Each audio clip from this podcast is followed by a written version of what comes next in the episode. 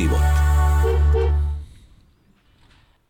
Ćao svima, dobro nam došli i nadam se da ste spremni. Danas ipak ne stižemo na vreme, ali ekipa Lab 76 je tu i vreme je za specijal. Nije vreme za specijal, vreme je za kraj sezone. To je nekako uvek istovremeno i lepo i tužno i setno, a opet svesni smo da stiže nova sezona, međutim ova godina je malo drugačija. Ova godina je drugačija po tome što je poslednja sezona, to je poslednja trka obeležila i poslednju trku Valentina Rosija i poslednja sezona Valentina Rosija. Standardna posada je tu, Deki Potkonjak i moja malenkost Srđan Erce. Gde si, Deki? Tu sam. I da, uvek je uvod nekako posvetimo nekim plemenitim stvarima, pričat ćemo o plemenitim stvarima, ali ja moram da kažem ovoga puta za izdanje broj 150, prvo udrite like, danas to neću zaboraviti, juče sam stigao s puta neki dok sam se pohvatao gde šta ko kako, udrite subscribe, Ako, ne, ako volite Moto Grand Prix, udrite subscribe, udrite like. To sam juče hakovao sa Filipom. Ko želi da podrži Filipa, neka udari like i onda odjednom počeli lajkovi da rastu. Tako da, ko voli Valentina Rosija, udrite like. Ko voli Marka Marqueza, udrite like. Ko voli Danija Pedrosu i sve ostale, udrite like. A ako volite Dekija, udrite dva lajka i kupite knjigu. Čekaj, pričat ćemo večeras o još nekim knjigama. Matt Oxley nas je prevario, ali okej. Okay. Jesi vidio, nisam ja ovoga puta bio taj ko je kriv, ali došli smo raspoloženi iz puta, deki, sledeće godine, kako god znamo i umemo, moramo da se organizujemo tamo negde da bude studio na kraju univerzuma i da svi budemo zajedno. Ali da, penzionisao se Valentino Rossi nekako pričamo ljudima koji su nas napustili na pogrešan način. Imamo sreću da nas ovaj čovjek napustio na pravi način. I toliko imamo stvari koje opisuju Valentina Rosija, ali živije, zdravije, pravije i to je ono najvažnije i nekako istovremeno sam tužan, neće ga više biti na stazi čovek koji je stvorio sport, a istovremeno sam srećan, ode čovek u zasluženu penziju. Kao da ima momačko već. Kao da si video kako je potegao flašu, onu magnum bocu, iako nije bio na pobedničkom postolju. Deseti završio trku. Za sve oni koji ne znaju, Valentino Rossi je legenda ovoga sporta, broj 46, 432. trka, završeno osvajanjem velikih šest bodova, ako je to nešto važno u njegovoj karijeri karijeri. I Vanja, sad ubaci onu fotku koju nisam planirao baš ovako da ide, ali vidjet ćete uskoro na sajtu našem i promociju knjige, pa ko voli Valentina Rosija Infinity Lighthouse, predvođem celom ovom ekipom, izdaje možda čak i prvi na svetu knjigu Meta Oxleya Valentino Rossi sve moje trke. 336 stranica, Specijalna cena će biti do 15. decembra i više neće biti te cene. Dakle, ko kupi, poslovno gledano trebalo bi sad da bude maksimalna cena, jer ko voli kupit će sada. Ali znate šta? Mi volimo ovo što radimo i eto, pozivam je sad, posetite shopinfinitylighthouse.com, Meto Oaksley smo poslali primjerak naslovne strane da on vidi i rekli, i on je rekao, i momci, kada ovo izađe, pošaljite i devojke, link da ja to promovišem. Hvala Met, super, bit će na društvenim mrežama. Bum, piše Zeka 75 iz Bajne bašte srđane. Zašto mi ne znamo ništa o ovome? Met Oxley koji je tweetovao. Možemo i da ubacimo taj tweet kasnije. Ljudi, ovo je zvanično. Meta smo sreli u Valenciji, kupili smo prava za knjigu, ovo je monografija od 336 stranica. Deki, ja mislim da smo prvi u istoriji koji rade ovako nešto i ja moram ti kažem, sam ponosan. Uh, inače, pre, pre toga, Dakle, da upotpunite kolekciju. Prvo Mihael Schumacher, crveno i crno. Dekijeva knjigova autorski rad čoveka koji sedi za ovim stolom, tako da očekujemo da ne udrite like, kupite knjigu ako želite da podržite i Dekija i celu ekipu, ali mi smo pre ponosni ja hoću da krenemo od ovoga. Bogdan koji inače ne prati toliko automoto trke, gleda naslovno i kaže čekaj, wish you were here, kako to veze ima sa Valentinom Rosijem. Pa ako mogu par reči, Valentino Rossi je rock and roll zvezda Moto Grand Prix. Pa, već od sutra će da nedostaje. Već, već od sutra, da, počinje da nedostaje. Ovo je kaciga koji je bio posvetio Marko Simoncelliju, kada je nažalost napustio nas Marko Simoncelli, rekao je to je ono čuveno Wish You Were Here, inače posvećeno bivšem članu priča se, Pink Floyd, za one koji ne znaju, pogledajte taj single, pogledajte i grafike koje su crtali i pravili tamo negde 70-ih pre vremena su bili zaista prisutni. A evo, ovo je zaista Matt Oaksley tweetova, 25 retweetova već ima, ali nema linka ka shopu, nema ni našeg hashtaga, nema ničega. Ali, ali zato... Neverovatno, rekao sam mu, you jumped the gun. Ne, kao što Torin kaže, danas je, poz, danas je poznat kao Matt Oxley. Da, kako da se ne zabavljate i kako da ne uživate u Infinity Lighthouse-u. E, ljudi, koliko god ponekad ozbiljno iza kulisa, da li ćemo stići, je potpisan ugovor, je plaćeno ovo, je ulađeno ono. Inače, hvala kome, OMV-u i vama, svima na Patreonu, pročitat ćemo sva imena i ovoga puta do nove godine čitamo neko, rekao što ne pustite Kajron. Zato. Zato što mi pišemo svoja pravila u studiju na kraju univerzuma i pročitat ću. Inače, neko nam je čestitao 99. pokrovitelja i u duhu 99 yardi, evo čitam, inače pozdrav za Vukašina Jekića. Vukašin Jekić je 99. pokrovitelj. Eto, 99 yardi, stigo smo mi do 100 pokrovitelj. Ljudi, hvala. A zašto, kako nas podržate? Pa da bismo mogli, eto, da pozovemo Meta Oxley, njegovu izdavačku kuću i kažemo, ej, Možemo li da kupimo prava? Možete. A možemo prvi da izdamo pre engleskog izdanja? Možete. A jel možemo da košta ovoliko? Može. Inače, zvanična cena je Pogodite sada koja je zvanična cena u komentarima, mada ste već verovatno možda i našli na web sajtu. Mi smo se malo igrali sa cenom jer se poklopila bukvalno dinar prema nekim kalkulacijama, ali eto, mi se nadamo da će vam se dopasti. Inače, ovo je zaista prava monografija, tvrdi povez. Čekaj, gde nam je Moto Grand? Sad ću da vam pokažem na to, kako to otprilike najviše izgleda.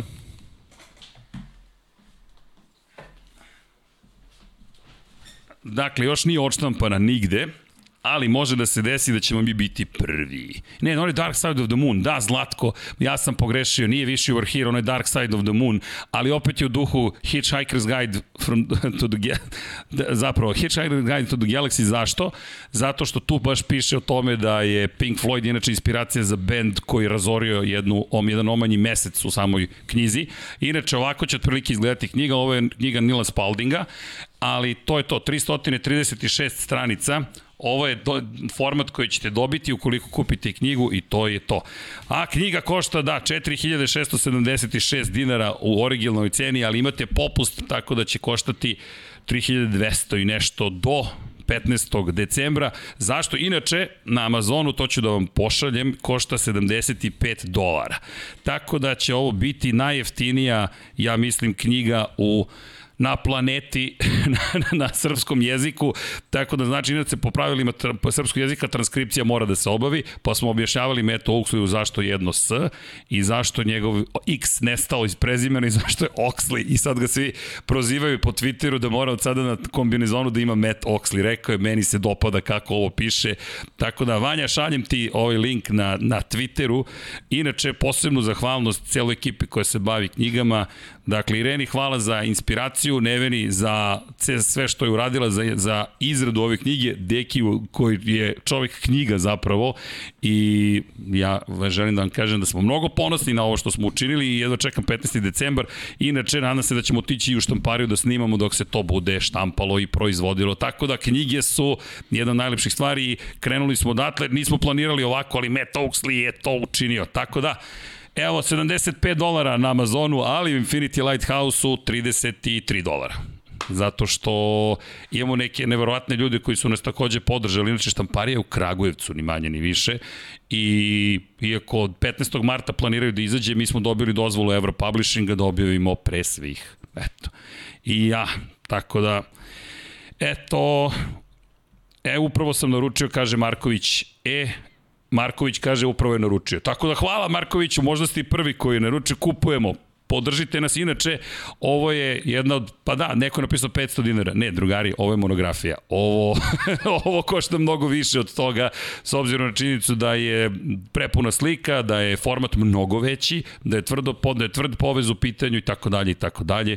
I eto. U svakom slučaju, Ja se nadam da ćete uživati ono što smo spremili, ima još iznenađenja, ekipa je bila vredna, svašta nešto smo pripremili, ali kažem, obično krenemo od onih najplemenitijih stvari, nekako sam mislio da treba krenemo od najmotivnijih. Deki, ono što smo mi gledali, ne znam, to je, mislim da je Džanki rekao, velika nagrada Valentina Rosija.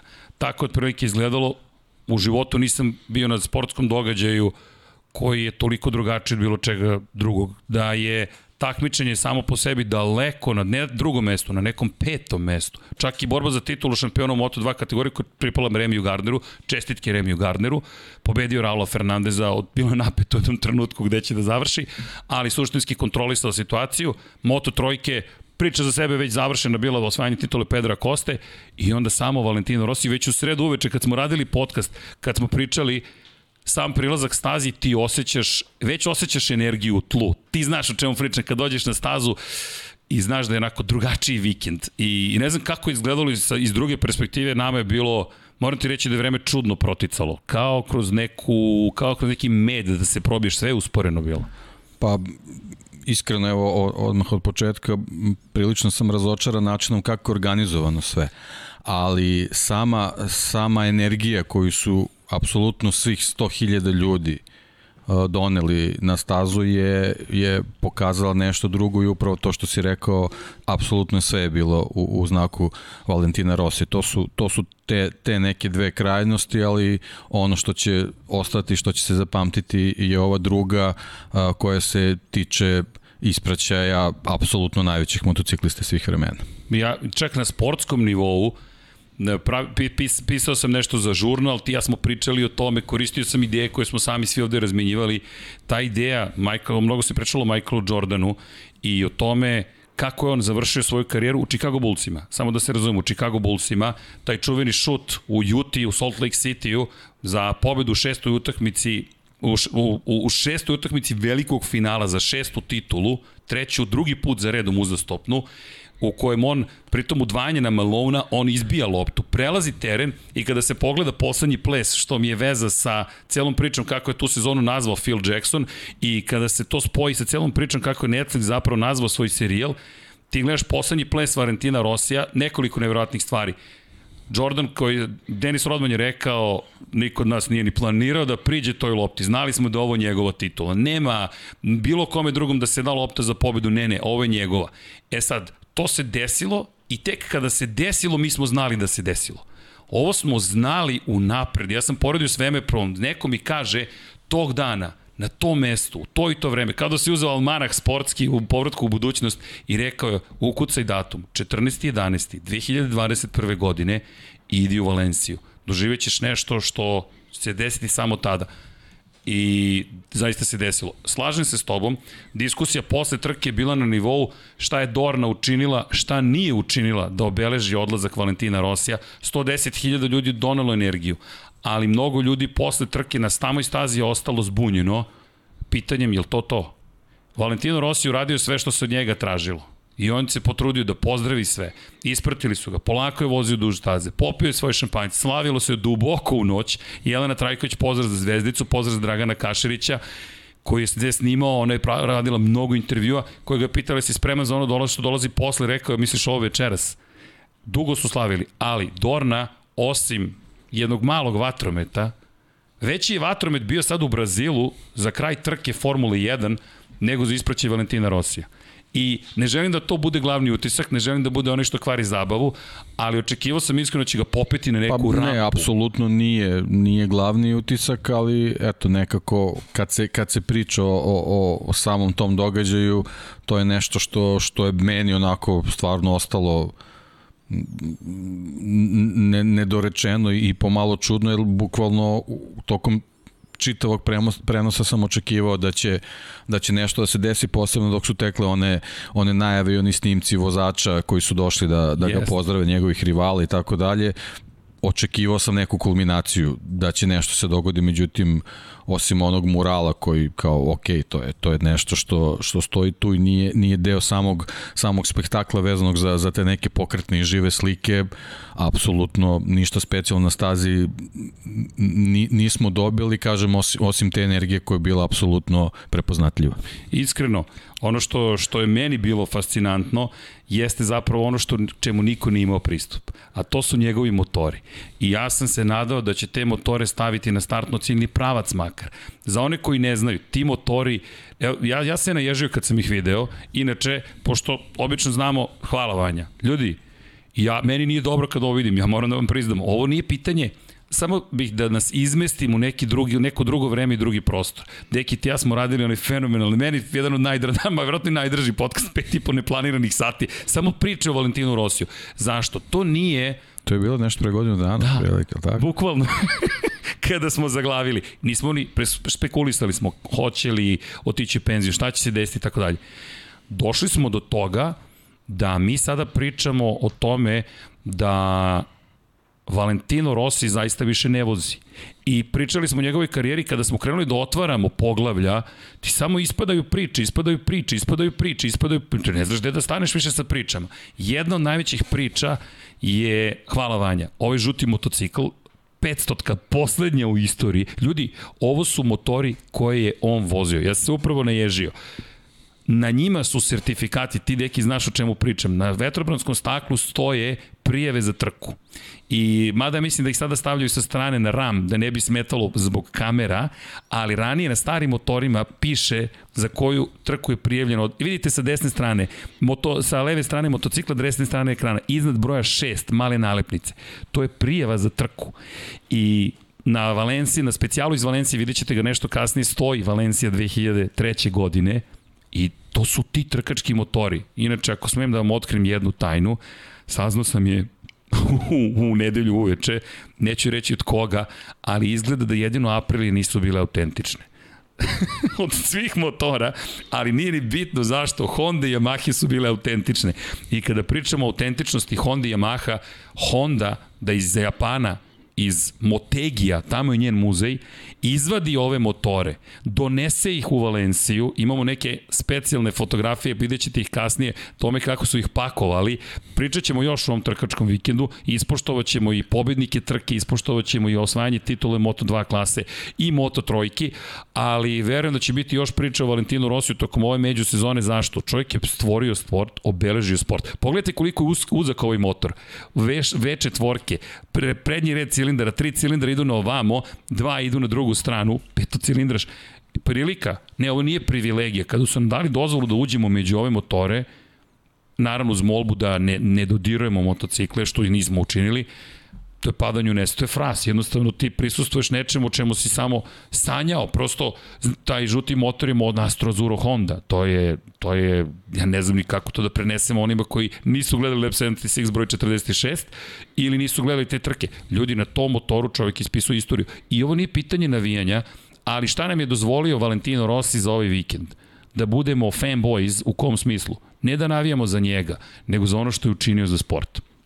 I bukvalno nema ko, svi smo rekli, ok, nastavit ćemo mega profesionalno od marta kada počne nova sezona, ali sad nas pustite da budemo subjektivni, da se uopšte ne bavimo time da li je dobar, loš ili nije. Citirao bih jednog gosta koji jutros bio kod Igora Brakusa i Smiljana Banjca ovde u studiju.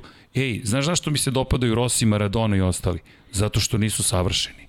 I ta njegovo nesavršenstvo da on rock and roll zvezda koja je pravila greške i gluposti i pravio pro probleme sam sebi prenada sve su ga učinili tim što jeste. I tako da ceo vikend je bio nevratan, ali se slažem da su morali, moje mišljenje je bilo da su morali da naprave specijalnu ovako rampu, da ga popnu na jedno improvizovano pobedničko postolje i da kažu evo vam čoveka koji ono pa, obeležava sport. Ako već nisu bili ovaj, spremni za neke konstrukcije, bilo šta, apsolutno je morao jedan počasni krug koji, koji će biti odvojen od bilo čega vezanog za, za poslednju trku sezone. Ili očekivao sam bar, bar kad, kad se desilo ono, ono skupljanje svih vozača, kad se pozdravljao s njima, da će ga pustiti da on krene prvi Isto. ka, ka Park Fermeo i to bi recimo bilo možda, možda i dovoljno, Samo a da kamoli da kad se završila čitava priča da on pro, provezao bar nekako još jedan krug ili, ili kako god. Verujem da tom motociklu nije bilo goriva za još jedan krug, ali, ali recimo bar, bar, bar tako nešto. Tako da to mi je ostalo onako malo, mislim da, da, da me ne shvate ljudi pogrešno, mnogo više se, se priča kroz njegov intervju o, o, o poslednjem krugu Moto Grand Prix Danila, Danila Petrućija nego o poslednjem krugu Valentina Rosija, tako da to mi je onako baš jako, jako čudno. Utisak nije bio e, iz te perspektive da mnogi ljudi su nam prišli posle trke i rekli jeste vi znali da će ovo biti ovako? I ne znamo šta da kažemo ljudima pa kažemo Pa nismo znali da će biti ovako. Bukvalno nismo znali da će biti ovako i, i, i baš je čudno bila situacija, ali hajde da, da, da ne budem majstor kvariš neka, to je za, za Dornu, i za Absolutno, nju da, da razmišlja da, to, šta je to postigla, je. ali prosto videti takvu legendu, meni je ceo utisak što to, to karnevalska atmosfera koja je trajala četiri dana.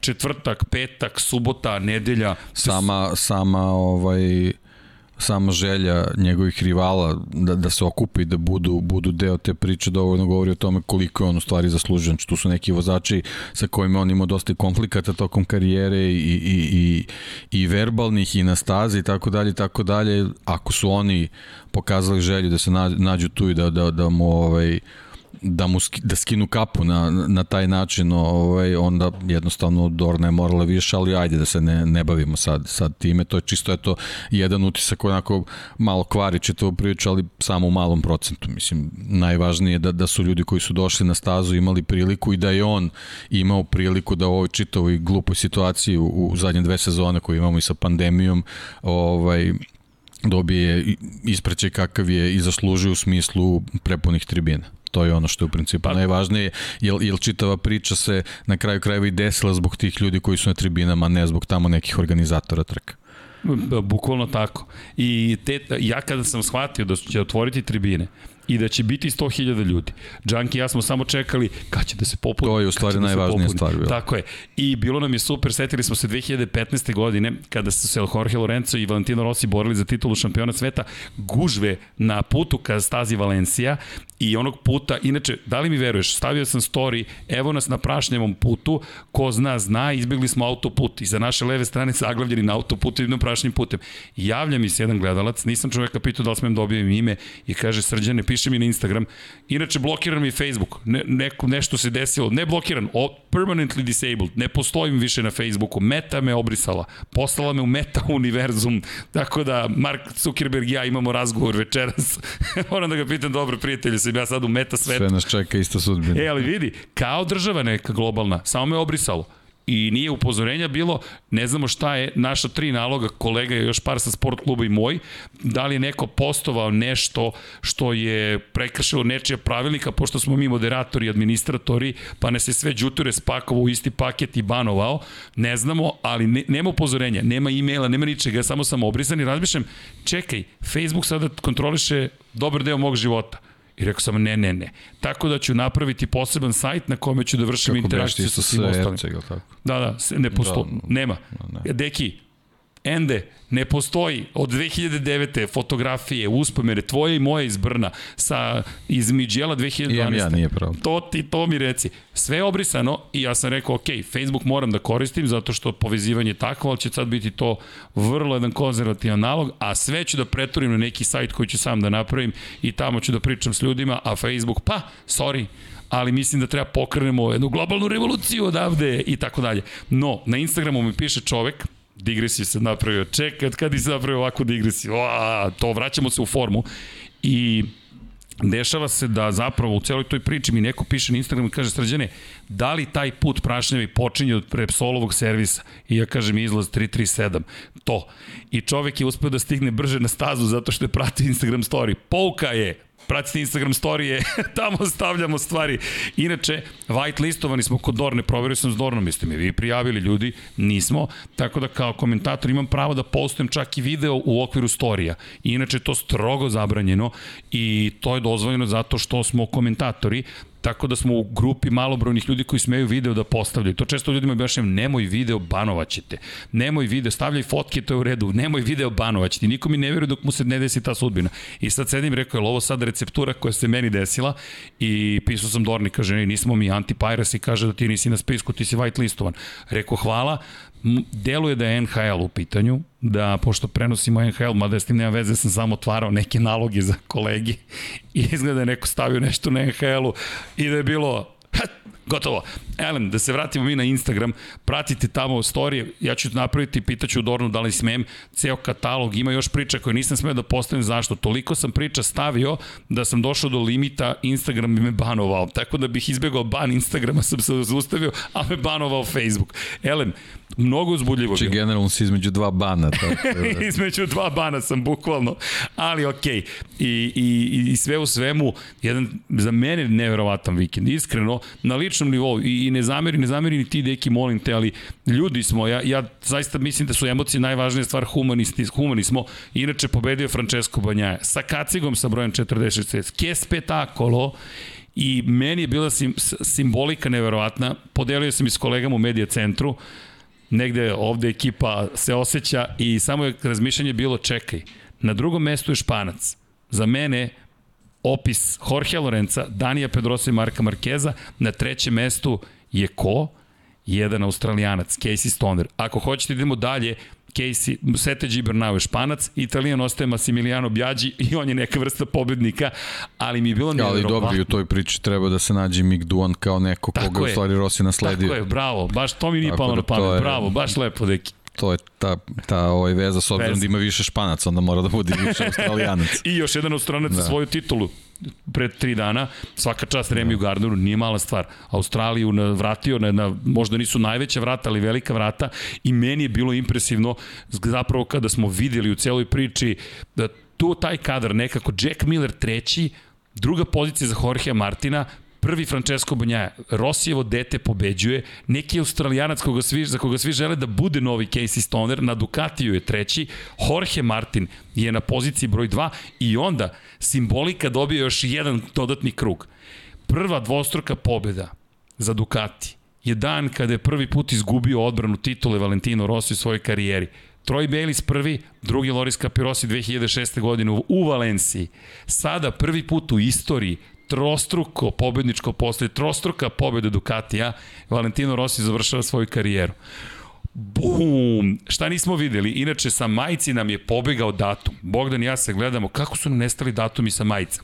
Izvinjenje svima, na hvala vale majci. U originalu je pisalo 14. 11. 2021. Dolazimo i Rosijev marketinški tim koji izbacuje 14 plus 11 plus 21. Bum, 46. Rekao, ok. E, kao srđani, znaš da je ovo 46. nedelja u, godini? Rekao, dobro, ubite me, šta još ima što smo propustili da pribitimo? Bilo je nemoguće, ali bilo je dirljivo. Inače, nema ko se nije pojavio i ko se nije javio, ima jedna osoba koja se nije pojavila, da, nije se pojavio Mark Marquez, i dalje, mnogi mi kritikuju što imamo opravdanje. Nemamo opravdanje, ja samo mislim da Mark želi svoju priču.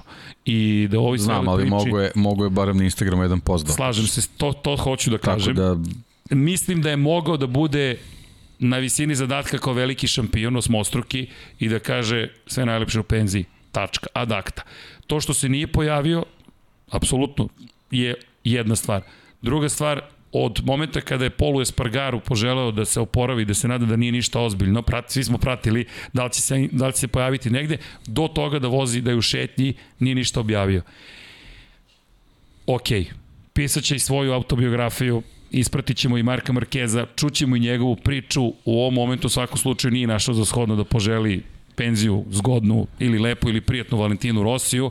Ne želim da otvaram tu temu zato što biće vremena, već želim da se posvetim ovom vikendu koji je bio takav kakav jeste i kažem ti, meni je bilo nestvarno uopšte biti prisutan među ovim motorima, među tim ljudima, gledaš Jorge Lorenza koji se pojavio, koji nije mogao se probije. To je mi najveći hit. Mi stojimo na, na, na, na, na dok slavi Yamaha, dok je Rossi tu, svi su u gužvi. Jorge Lorenza koji ovako pokušava da se probije i kao, pa kako ću da dođem do Rosija?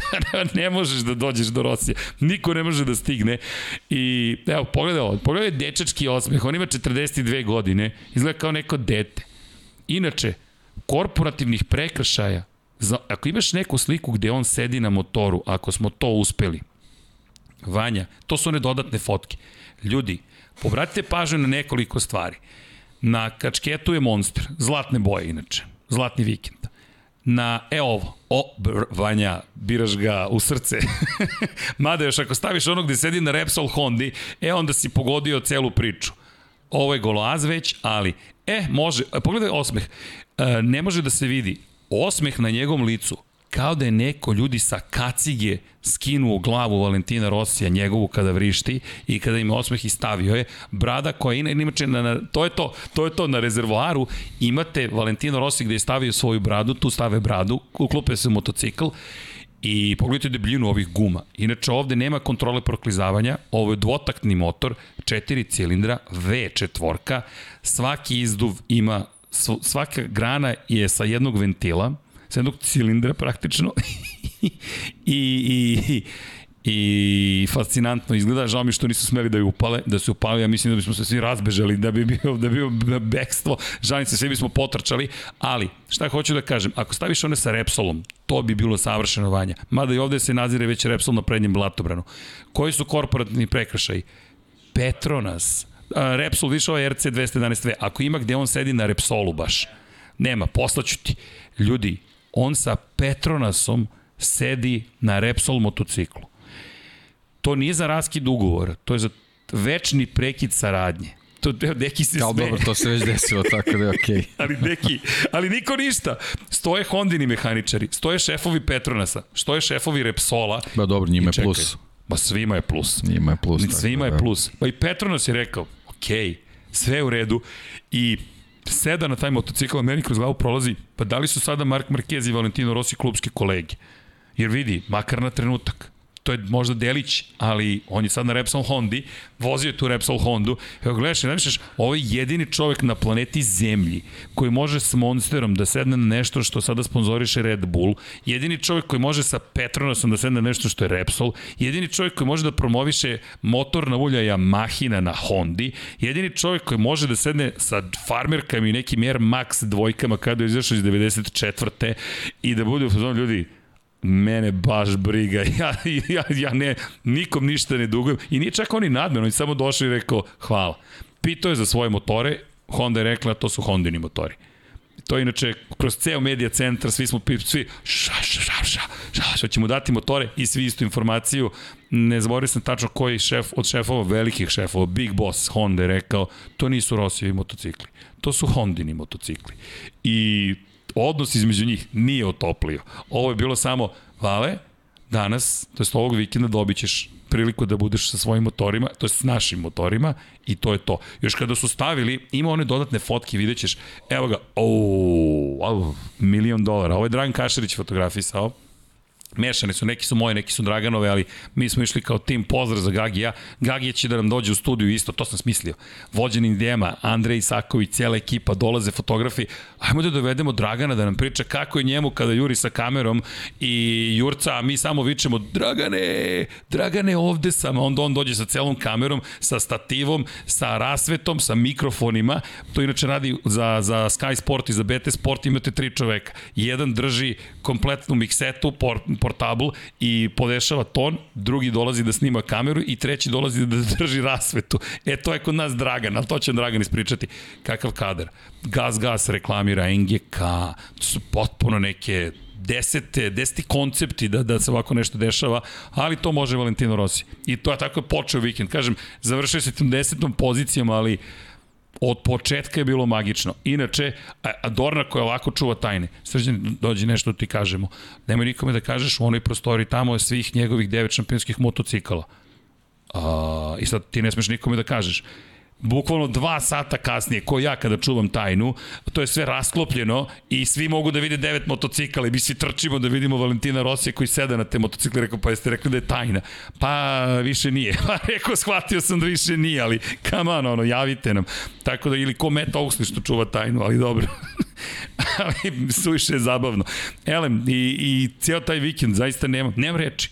Iskreno nemam reči. Ne znam šta bih uopšte mogao da kažem, takav je vikend bio da, da smo zaista samo lutumarali od toga gde da nađemo koji deo nečega. Inače, imali smo intervju sa njim, bio je ne umoran deki, nego ti ja izgledamo sveže. Da, videlo se, videlo se na licu. Veruj mi, baš je bio umoran. I ja ga, mi ga pitamo, to je, hvale, on kao, sve okej. Okay. I mi mu kažemo, two more days, two more days, i on počne se smeje. two more days. to je bilo petak, ali evo i ovde možeš da vidiš. Da, vidi se. Vidi se da je, da je prosto umoran. I ovo je nevjerojatan kadar. Lin Jarvis sa leve strane, sa desne, Alberto Puđ. Inače, mnogo je Alberto Puđ dobio kritika. Puđ je tražio od Honda da da Rosiju Honda motocikle. Puđ je otišao i rekao, Rossi je pitao za svoje motore. I Puđu su rekli, to nisu njegovi motori, to su Hondini. Tako da Puđ vam nije negativac ako ste ljubitelj Valentina Rosija. Verujte, Alberto Puđ može biti mnogo toga, ali pre svega poštuje trkače. I od uvek je poštovao trkače. Čovjek koji dozvoli Casey Stoneru da kamp prikolicu svoju parkira u njegovo dvorište, to nije čovek koji na nacionalnom nivou posmatra ljude. Ne, ne, Alberto Puć će ako je neko protiv njegovog vozača rival biti za svog čoveka i Alberto Puć obično dobija prljavu igru da igra, to jest prljave stvari da izgovara, ali Alberto Puć pre svega voli voli motociklizam. Inače, A, hvala Vanja, čekaj, deki. Mada nisam baš ponosan na svoje ovaj, gabarite, a neko mi je rekao koliki si čoveče. Dobro, ovaj objektiv više. Da, da, da, hvala ti. da, da. Da, da, izobličao, hvala ti Vanja. Doda, kaže Vanja dodaje 5 kg, doga mi meni dodala 55, a lajca. Ako da je fish eye neki, tako si okej okay, skroz. Nisam trudan, Don Pablo, ne brinite, hvala vam na tome. Ali je bilo divno, zaista čast jednostavno i razmišljao sam da li da ga pitam za prošlu godinu, da li je sve počelo s covidom, letećim motociklima i padom u Barceloni i ovako gledam čoveka i razmišljam, ajde srđane, pusti ga. Pusti čoveka na miru, za, ta, za to ekskluzivno pitanje, Bože zdravlje, bit će vremena, sad ga pitaj, vale, besmislene stvari, jesi srećan? Jel uživaš? Uživam. 1,3 sekunde si sporiji, a opet si poslednji i pazi trkački gen. E, nisam uvek toliko sporiji. ja gledam, razmišljam, gledamo iste rezultate, onda sam provrteo sve rezultate i vidiš čoveka koji ne može da prihvati da, da je bi jedno za 30 rekao, ok, ako ti kažeš da si 0.7 spori 0.7. Da li generalno ovo poslednja trka u odnosu na te neke rezultate od ove sezone bila super i kvalifikacije i, i sama Ej, trka, tako da mislim da i on time bio zadovoljan, da. apsolutno. Ma vidi, uvraženo mišljenje. Bilo je bitno da uživa, ali, ali ne sad nužno da bude spor, jednostavno bio je, bio je na sasvim zadovoljavajućem ritmu posebno ovaj, uključujući Morbidelli, ako onako iz prvog reda pratio što Valentina. Čuj radio, da. imao mitraljez na lečima da. i na leđima i bio sa topom spreman da eliminiše svako ko pokuša da pretekne doktora. Vazi, to je opšti komentar bio posle trke Morbidelli koji kaže e, bio je suviše brz za mene, nisam mogao da pratim njegov tempo. A vidiš kako mu je na grbi izašao mini Canon otprilike iz Jamesa Bonda i koji, ali niko nije ni pokušavao da budemo jasni. Binder je tamo negde sedeo i bio u fazonu U redu.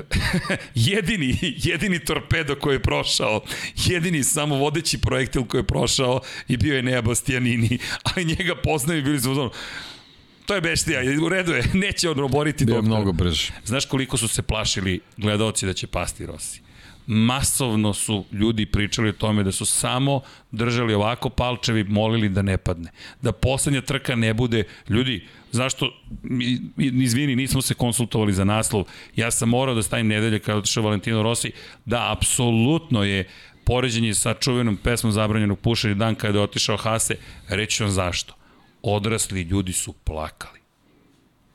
Ja ne sećam se kada sam bio na sportskom događaju, na kojem znaš Ne, ne, sad prolaze žmarci, ja gledam odrasle ljude koji plaču. Ljudi, oni stoje na, na tribinama, na brdima, na proplancima pored, ispred stadiona, ispred, ispred zgrade glavne, ispred ulaza i plaču. To su sve muškarci koji plaču i niko se ne stidi, ne treba da se stidi. Ljudi su masovno plakali. Medijski centar, mi kad smo se vratili u medija centar iz kabine, ljudi ćute gledaju šta sad, kao da je kraj, kao da se sve završilo. Ne brinite, ide, ide stiže budućnost. Ja sam namjerno nosio roze majicu tog dana, to sam i Jeleni rekao. Kaže mi ona, ova, pogrešno si obučen. Kažem, ne jec, ja sam ispravno obučen. Ti si u žutom, to je sada prošlost. Budućnost Rosijeva je roze boje. Sam je stavio roze kacigu, njegova devojčica stiže na svet. Imao neku svoju novu priču. Poravit se on za šest meseci, ljudi, to je takav prosto sportista, čovek, on će se, čime god da se bavi u budućnosti, on će se baviti na pobedničkom nivou. Ali u tom momentu, ti ideš kroz padok i gledaš ljude koji plaču. I ono što mi je bilo fascinantno, mehaničari Suzuki-a, Ducatija, Suzuki-a, koji, s kojim nemaju nikakve veze poslovne, Alex Rins koji je došao, ja sam morao da se oprostim. Nema čoveka koji ne došao. I to je ono što meni bilo fascinantno. Pazi, ovde više nema priča o rivalstvima.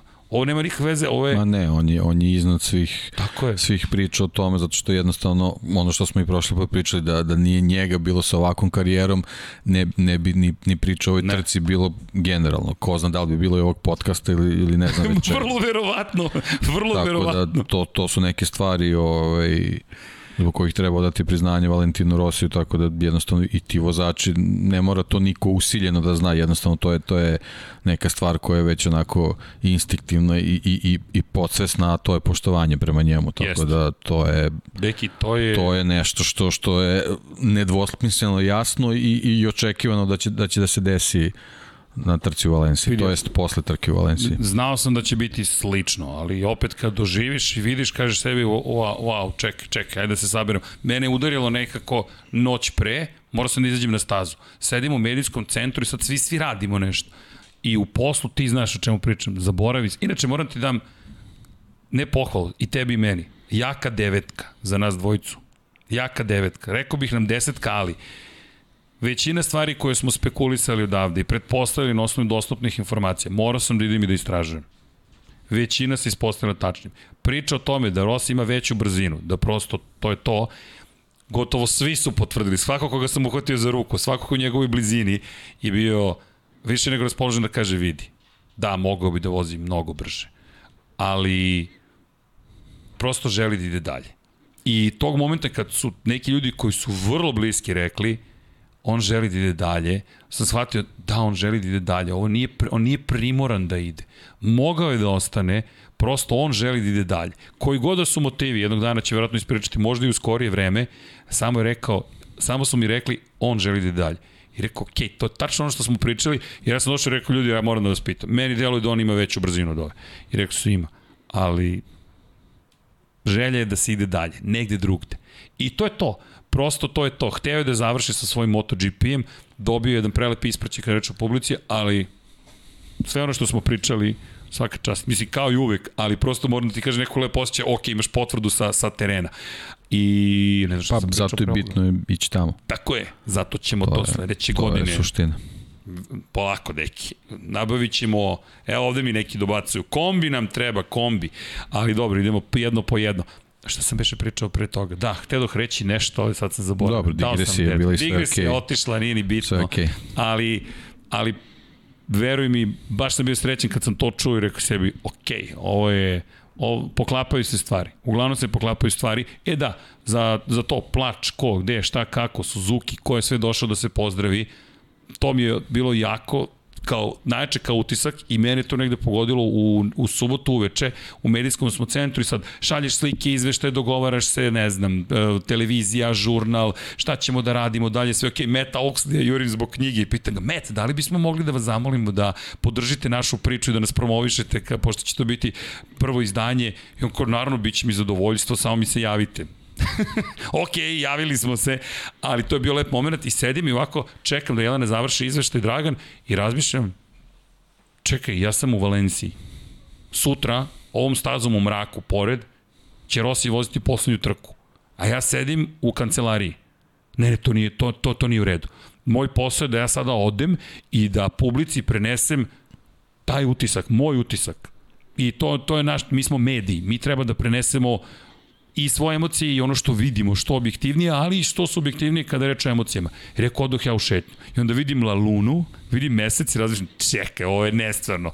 Luna, sola luna, sunce, mesec, I razmišljam, eno ga, sunce će doći sutra sunčano sva četiri dana. Pazi, sva četiri dana je sunčano, sunce je došlo da ga isprati. Došao mesec da ga isprati, došla Venera.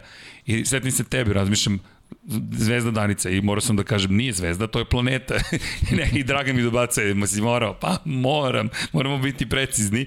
I, I onda smo izašli na stazu i rekao, moram da prošetam tim asfaltom pre nego što se desi trka. Eto i to, to je ta magija koja te podsjeti zašto si uopšte zavoleo MotoGP. Ali ti si u pravu.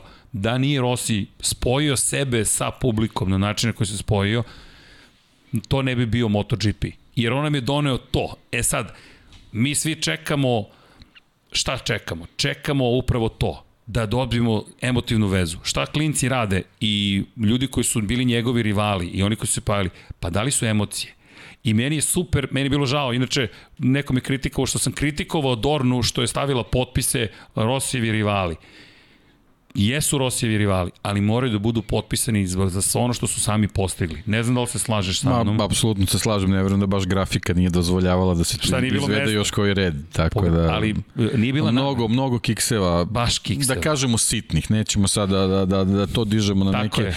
više nivoje, pre svega zbog cele veličine događaja, ali ha. generalno mnogo kikseva sa Dornine Baš strane tog vikenda. Kao da se nisu snašli u čitavoj priči. Ali sad si Znaš, kao neko ko želi da sakrije neke svoje emocije. To, to je meni tako izgledalo. Ne, ne, ne vidim razlog zašto je to baš trebalo tako da bude. Ne vidim zašto ta trka nije da, mogla da bude specijalnija. Znaš ko je Znaš, moj nije, nije to bila stvar uh, TV prenosa, nije. blokova reklama ne. i tako dalje. Ne, ne verujem, ne verujem. Tako ne. da... Dan kada odlazi Hase to kada znaš da će ti se desiti. Apsolutno sve, sve medijske kuće koje imaju prava za prenos, da su dobili neki raspored koji je traju 15 minuta duže, neki, apsolutno bi su uklopili. Ja sam pitao šta da... ste pripremili.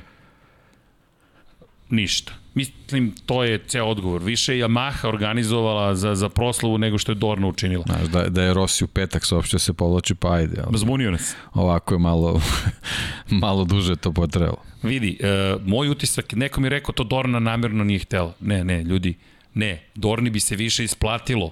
Dorna želi da joj se više isplati. Ali postoji jedan problem. Čak ni Dorna, dan danas, ne zna, ne razume Ne, ne zna šta joj se desilo sa Valentinom Rosijem. Ja ću biti vrlo direktan. Ne zna šta joj se desilo. Na stranu koliko dobro ili nije dobro organizovan šampionat. Dobro je organizovan. Ali Dornja ne zna šta da radi sa rock and roll zvezdama. Jer to nije po korporativnom pravilu. Korporativna pravila su dobre za skalabilnost. Da možete nešto da skalirate, da replicirate na više mesta. Tako je ne znaju, Vanja kaže da upravljaš nečim, da upravljaš, da, da ispratiš nešto što te prevazišlo. I to korporacije često ne znaju. Zašto startupi postoje? Zato što startup može da odigra igru na način koji korporacija nikad neće ni dozvoliti, niti razumeti. Dorna je korporacija i ne razume šta je se tu dešava. Koliko god da pokušava, ne može da se spoji sa Rosijem ili sa publikom na tom nivou. Jer Rossi je za nju scenariju budeš, pro, proslavljaš pobede u toaletu, u vatrometima, ovako, onako i ljudi će te voliti. To su Jorge Lorenzo uradili. Njega su prevarili u suštini. Njemu su rekli, ponašaj se ovako i bit ćeš Rossi. Ne, ljudi. Frontman benda, rock and roll ili bilo kog, je frontman. Zašto? To niko ne zna, to je harizma, to se ne kupuje. I Dorna se nije snašla u celoj priči. Dorna bi, bi silno želela da bilo drugačije, ali nije. Meni je samo zasmetalo kod potpisa tih ljudi zato što mislim da to nije dobro ni za Rosija, ni za njih. Mislim da se ne poštuje sport da, da citiram Simona Petersona, pričam sa njim, on, pošto na engleskom njega su onako propisno ošurili sa svih strana za taj komentar, čak mu i Dorna zamerila, ali nešto sam pričao sa njim i on kaže, ja kažem, vidi, bez rivala nema Rosija. I on kaže, tako je, bez superheroj ne postoji bez dobrog zlikovca. Svi DC Comics filmovi novi su loši zato što nemaš dobrog zlikovca. Zašto su zvezdani ratovi veličanstveni? Izvini, ali kad se pojavi Darth Vader, ja stvarno imam problem šta će da se desi.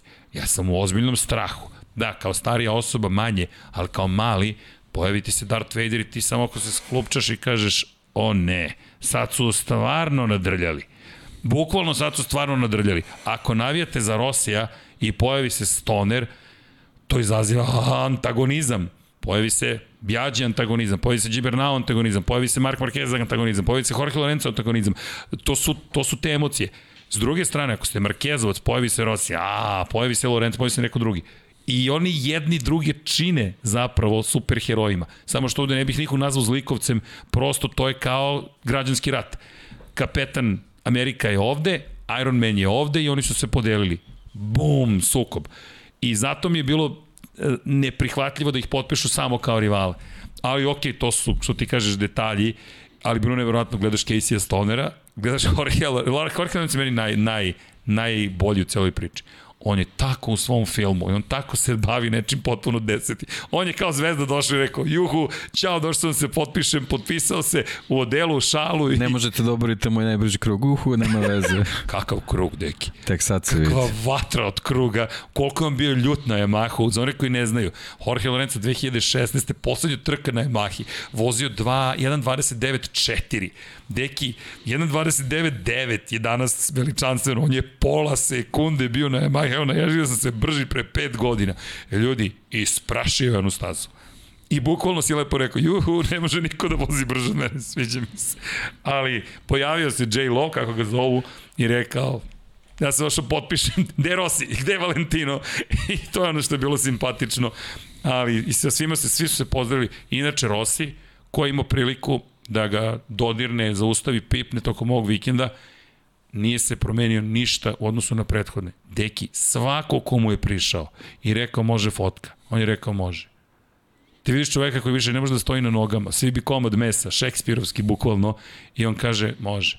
Nepoznati ljudi, ne, ne, ne, ne znam ni kako su ušli, vale, vale, vale, can I take a photo?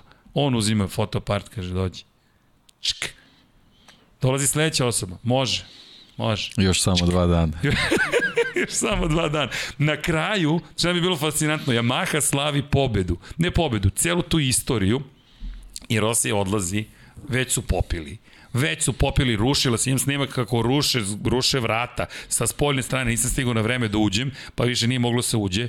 Ruše se vrata iznutra garaže, bukvalno, ako se dobro sećam, garaža broj 16, i on izlazi i već vidiš da je popio, da je veseo, i šta god mu kažu, pošto foto, foto, foto fotoreporter stoji na skeli i slika ih iz visine, i onda im naređuju levo, desno, vičite A, je, viču, ajmo ponovo, je, je, viču ponovo, je. Kaže, vale, vale, možeš da istupiš.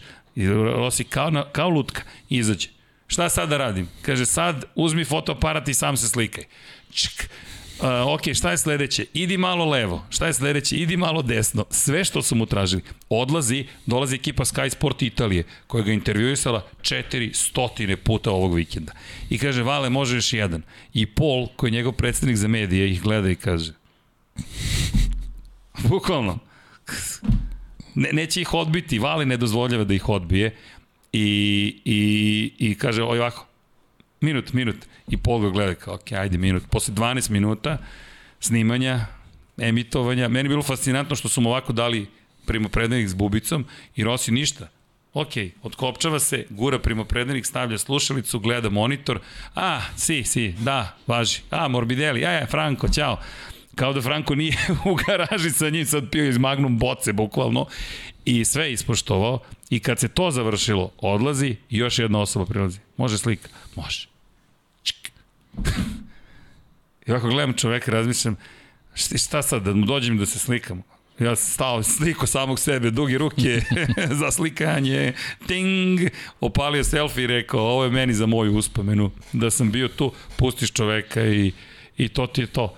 I onda opet, ajmo uveče, gala veče, ajmo gala veče, ponudili su nam intervju na crvenom tepihu, mi smo rekli, sve okej. Okay. Ali da ne možemo da učestvujemo kao publika, rekao, mislim da nema smisla da nas pozovete, da budemo na crvenom tepihu, pričamo s tim vozačima, onda pod izgovorom PCR zaštite od eh, covid i svega ostalog ne dozvolite da sedimo u amfiteatru, ok, nismo mi prepotentni ljudi, ali postoji neka doza, doza pristojnosti koju smatram da treba ispoštovati i svi smo rekli mi ćemo svoje gala veče u Valenciji da napravimo. Kasno smo stigli u, u Viking pub, ali skupila se ekipa neka i tako to je bilo uživanje, ali Rossi tamo bio raspoložen i onda su mu napravili žurku.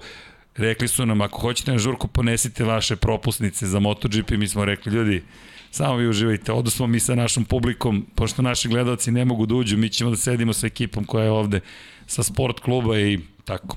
Tako da eto, to je neki vikend iz naše perspektive, neverovatne kvalifikacije za Rosija, manje od 30 tinke za ostatka, deki, manje od 30 tinke za ostatka, on je bio deseti. MotoGP je otišao na besmislen nivo, neko me pitao, pa dobro šta sad? Ja kažem šta sad? Uživaj. Uživaj u novoj sezoni. Pa kako otišao Rossi? Pa šta? Nije otišao, on je ovih tu. Ovo je njegovo zaveštanje. I to što je dozvolio tranzicione godine u kojima je on popustio u formi odnosu na ostale, a nije uništio sport, a mogao je da se da, povukao. Da, nijednog trenutka nije diktirao pravila. Ne. Meni je neverovatno, on je bukvalno deki mogao da dobije šta god želi i on je rekao, ne, okej, okay. imam ja akademiju. Bukvalno dok je bio u snazi, on se prilagođavao pravilima i pobeđivao. Jeste.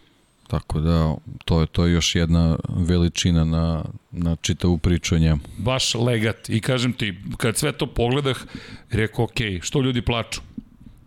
Zato što je to nedelja kada je otišao Rossi. Pa, četvrt veka. Četvrt veka. Hvala, odvezao ga je mnogo krugova i mnogo intervjua. Baš sam razmišljao da izračunam koliko intervjua je dao. Ja mislim da su to već stotine hiljada. Ne znam da li bi bilo više od toga, ali možda jednog dana sednemo i izračunamo. Ali da, lepo je bilo. Da, I, i uvek ti... sa istim osmehom i sa onim vedrom bojom glasa. To je nešto isto što, što trebaju da uče od njega. To si ti baš lepo rekao da. prošle godine. Imaš intervju s Rosijem, ti znaš da neće biti tužnih lica, negodovanja, neprijatnosti. Ma, ni jedan pogled u njega ti neće izazvati neku nelagodu da, da pomisliš, ne. evo sad mu skačem tu po glavi i samo mu ja još falim. Nikad. Ne. A, a bilo, je, bilo je situacija gde samo par minuta pre toga ima ima ima neprijatnost. Da kažemo neprijatnost ili ili neke nezgodne situacije u pripremi motocikla za trku i tako dalje i tako dalje, ali jednostavno tu kad se pojavi uvek isti Valentino Rossi. Da, baš je uvek isti. Bilo je, kažem, bilo je lepo ispratiti sve ovo, ceo vikend, inače je ostao bez glasa usput. Kraj, nikad još u karijeri nisam ostao bez glasa za ovih 15-16 sezona komentarisanja i razmišljam da li je realno da ja neću moći da pričam u nedelju. Riko, e, ja ću da pričam pa neki ispadnu glasne žice, neko otpadne grlo, još uvek se nisam oporavio, a ja sam rekao, ma nema šanse. I kao, pa moraš da ćutiš. Kako da snimim sve ove storije ako ću da ćutim? I ne znam, neko mi rekao, pa radi ovo, radi ono. Ne interesuje. I to je ta priča. Ako smo došli ovde, uradit ćemo posao do kraja. Ali hvala Džankiju, Džanki koji, znaš koliko je pokušavao da me natera da ćutim. Nije mogao danas da dođe, inače imate pozdrav Aleksandra Džankića, zašto nije došao? Hajde, dovoljno smo intimni svi zajedno, Džanki i asmatičar. I njemu ove promene vremena ne da ne prijaju, nego je to baš teška situacija. Tako da imate pozdrav, nadam se da će doći ponovo u studio, uvek otvoren, uvek on je ovde nedobro došao, on je sastani deo priče, ali jednostavno Džanki ima situacije u kojima je teško prosto da, teško mu je da funkcioniše onako kako svi funkcionišemo i to ko, nije imao, ko nema astmu, teži oblik astme, ne zna o čemu pričam.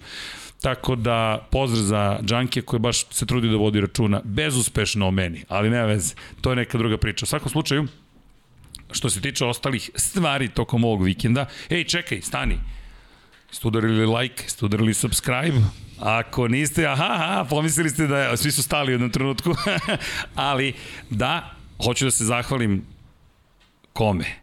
Našim pokroviteljima, naravno. E, bila je jedna donacija, samo ne znam, donacija propustio si možda da, Izvini. da, ajmo prvo to. Donacija, čekaj, čekaj, kad je bila donacija? Imaš na sleku. Imam na sleku. Evo sad kompletno sve tri knjige i Rosija u majicu uz metalni poster Rosija na zidu taman paše pozdrav želim još jedan zabavan podcast hvala Nemanja Miloradović koji je donirao 10 švajcarskih franaka hvala hvala zaista hvala hvala inače evo luda žena kaže isto sam obrisana Dejan Andrić mi pita da te nije prijavio nešto si imao uh, konflikt sa njim ljudi ako nisam imao konflikt sa čovekom on je prosto neko ko je nepristojan bio i ja sam mu rekao da je nepristojan i ostavio sam čoveku komentar uživo da stoji i prijavio sam ga Facebooku i unfriendovao sam ga što kažu. Ne znam šta bih učinio čovek koji kaže bilo kome, tebi je za žene mesto u kuhinji, nemaš ti šta sa mnom da pričaš, sa mnom ne može ne biti prijatelj, ne može u istoj prostoriji da sedi ako se ja pitam. Tako da neću da pričam sa ljudima koji nemaju osnovne ljudske vrednosti u sebi i ako me prijavio, ja i dalje ostajem isti čovek, tako da može da me obriše Facebook još sto puta, Ja sam svoja ličnost, tako da je sve okej. Okay. Na Instagramu sam. Dok Facebook ne shvati da je to ista osoba. A onda će da me obrišu trajno. I ja ne postojim onda, jer nisam u meta svetu. Jel tebe nema? Moram da napišem neku punk, punk pesmu. Ja nisam na Facebooku. obrisao me Facebook. A show, pa ne, nevratno obrisali smo. Ok, evo, obrisat ću ja vašu aplikaciju. Više mesta na telefonu. Pa mislim, vidi, još je manje ikonica manje. Ima manje notifikacija odjednom. Tako da, imam dobar izbor. Što mi nisi odgovorio, pisao sam ti na Facebooku. Nisam tamo više prisutan. Ali samo mi znao što će mi uzeti Serceg, ali moram da nabavim neki novi. Mogu bih da se zovem Sima, Sima Kosmos. Pa ne može više da se koristi. Jednom kad se izgubi taj account, ne možeš više da koristiš Serceg. To je čao. Ja, vidi Vanja, ja ću ostati u njihovoj bazi podataka i oni mogu da vrate taj nalog. Ali reče kao, to je nemo. Nisi znao da sam Serceg? Ne, ne, Serceg. Kao na Instagram. Serceg mi je Vanja bio prvi email, nije, znaš zašto? Nije moglo da stane srđan.erceg, eunet.ju, ti to ni ne znaš šta je. EUNET.U bilo je Serceg, jer nije moglo da stane više od 8 slova za username. I onda je brat uzao i Erceg, i ja sam rekao, pa naravno da sam ja onda Serceg. Da, da, da, razumeš, mislim, to je to, čang, nasledđe i tako. Inače, mama i tata at gmail.com su moji mama i tata. Ko hoće da poželi mami i tati srećen put u Čile, po sutra putuju, eto. A moja mama ovo oko slušala će reći, da li si ti normalno? Sad ćemo da vidimo. To ti mama najbolje znaš. Sad Što bi da rekao da Sheldon Cooper, mama me testirala kao malog. Ali dobro. Patreon, kaže Dom Pablo Patreon. Ljudi, Prvo šaljemo more ljubavi, zato što ste naši pokrovitelji, zato što bez vas ne bismo mogli da kupimo novu opremu koja je pokradena u Austriji, između ostalog. Inače, Gagi koji je došao, kaže Gagi, ja ću sve da kupim sam. Daj, Gagi, ta ćeš da kupiš sam, ludi čoveče, ali ne brinite, to će mi da rešimo svi zajedno, nadamo se da će osiguranje nešto priznati. Ako ne prizna, pa podelit ćemo. Šta sad? Držimo se zajedno. Da li sam nešto popio, pita me Don Pablo. E, vodu nemam, ja ne znam. To, a imam vodu, hvala. Evo, da osvežim grlo. Evo. A onda da krenemo sa patronima i nemojte, molim vas, da zamerite što čitam sve pokrovitelje. Evo, ja zaista molim, do kraja godine izdržite. Zašto? Ljudi, ko nas je pretvorio u ljude koji imaju samo šablone? Ko kaže da nešto mora da se radi na određeni način? Ko nas je zarobio u šablone? Mene to živo zanima. Evo, antišablonski ja hoću da pročitam imena svih vas koji ste nas, po, po, koji ste nas pokrovi, koji čiste na pokrovitelji. U jednom momentu nećemo moći više jer će izgubiti smisao, možda je već došlo do otla. Ali dajte nam, evo, šest nedelja još besmisla. Zašto? Zato što je to tako lepo i zabavno. Delimo emocije i delimo ljubav. 100 ljudi. 101 101, po, 101 pokrovitelj. Ok, molim i one tajne pokrovitelje da nam daju odobrenje da objavimo ime, čisto da pročitam 100 imena. Ovo je kao kada si u osnovnoj školi, 8.1, 8.2, 8.3. E sad, možda sam izgubio glas zato što čitam sve pokrovitelje. Nisam. Mnogo brbljam, kaže Don Pablo. Dobro. Dakle, hvala. Kome svema? Čitaću u nominativu. Ovo su naši pokrovitelji i hvala vam. Sava, Toni Ruščić, Mario Vidović, Ivan Toškov, Stefan Dulić, Marko Bogavac, Ozren Prpić, Marko Mostarac, Nikola Grujičić. Aleksa Vučaj, Zoltan Mezej, Zoran Šalamun, Miloš Banduka, Laslo Boroš, Đorđe Radović, Ivan Simeunović, Đorđe Radojević, Miha, Mihajlo Krgović, Nenad Divić, Nikola Božinović, Monika Erceg, Omer Kovačić, Filip Banovački, Miroslav Vučinić, Predrag Simić, Žorž, Stefan Vidić, Mlađan Antić, Jelena Mak, Mladen Krstić, Marko Ćurčić, Ćurčić, oprostite, Milan Nešković, Ivan Maksimović, Bojan Mijatović, Petar Relić, Stefan Prijović, Nenad Simić. Vanja obično u ovom periodu ode čovjek da popije vodu i onda se kasnije vrati, pa ćemo napraviti pauzu dok, e, Luka Sal, a, Dom Pablo mi je promenio ekran.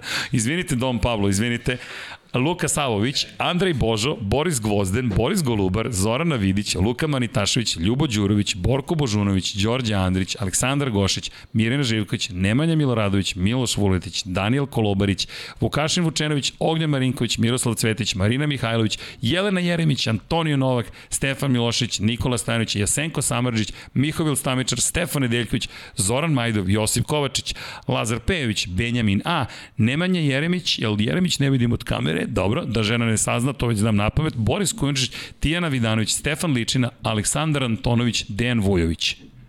Deki mi pokazuje imaš i drugi monitor. Hvala. Nemanja Zagorac, Đole Bronkos, Aleksa Jelić, Aca Vizla, Vuk Korać, Igor Vučković, Milan Ristić, Vukašin Jekić i 19 tajnih pokrovitelja. Huh. Šta, šta kažeš, Deki? Šta tu piše? Evo, Deki je. Minut 38 sekundi. 39. da tako da mogu, nije to tako strašno. Da li mogu da oborim rekord Jorge Lorenza? minut 29.4, da to postavimo Pa da nisi Valenciji. pričao o Vanji kako donosi vodu, postavio. to su te greške u kriveni broj 4 i u kriveni broj 12. I tako. Izvinite, ja moram da, da se hidriram, nazdravlje, voda je zaista, tako da promovišemo ispijenje vode, a promovišemo i točenje goriva na OMV-u ovoga meseca. Zašto?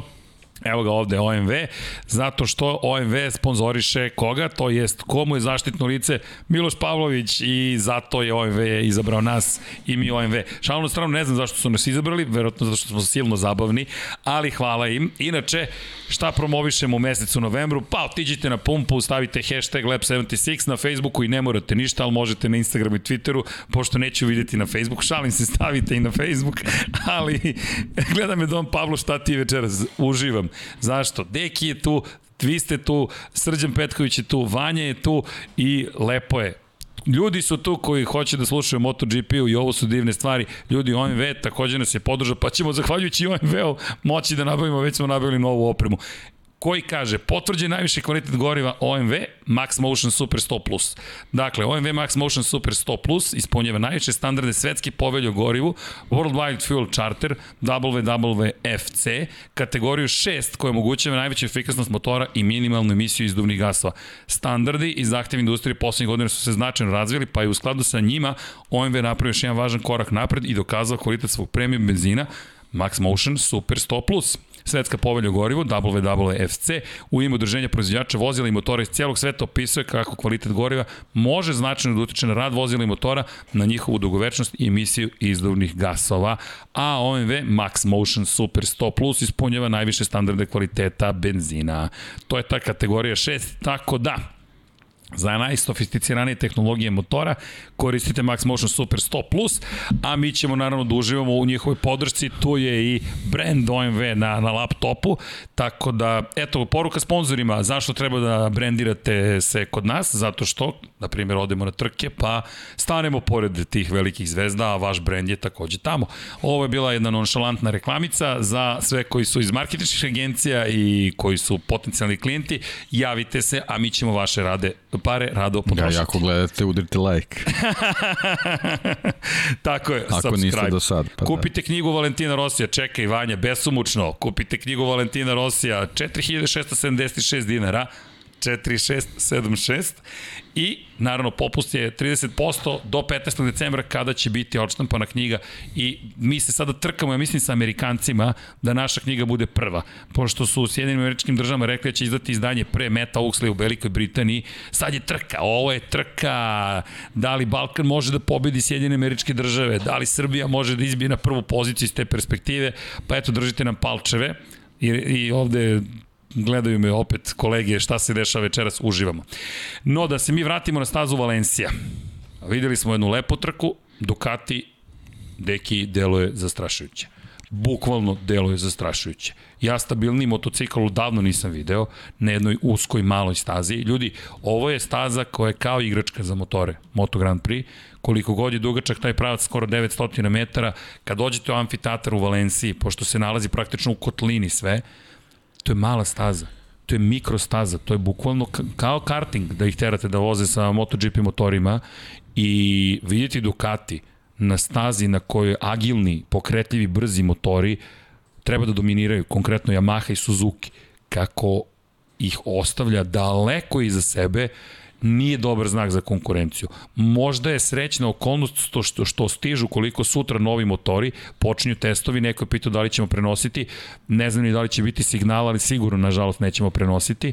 Pratit ćemo svi zajedno rezultate, međutim, ako nešto ozbiljno ne promene, Yamaha, Suzuki, Honda, koja tek ima probleme, Marka Markeza nema narednih 4 do 5 meseci, inače Poles Espargaro će biti spreman za test, zatim KTM i naravno Aprilia, nisam siguran ko će zaustaviti ovu armadu, jer deki ovo delo je zastrašujuće. M što će imati dva dodatna motora više fabrička i još dva motora generalno, osam Ducatija, ja ne znam kakav je tvoj utisak, ali pa, ja sam utisak uplašen. je neverovatna agilnost na stazi kako je Valencija. Ne znam šta su radili deki. Zaista, samo su rekli da je to drugačiji motor nego na početku godine. Casey Stoner inače ne da ga hvale, ono što si ti rekao, smeješ se kadar na deke, moraš kadar na deke, pogledaj kako se smeje.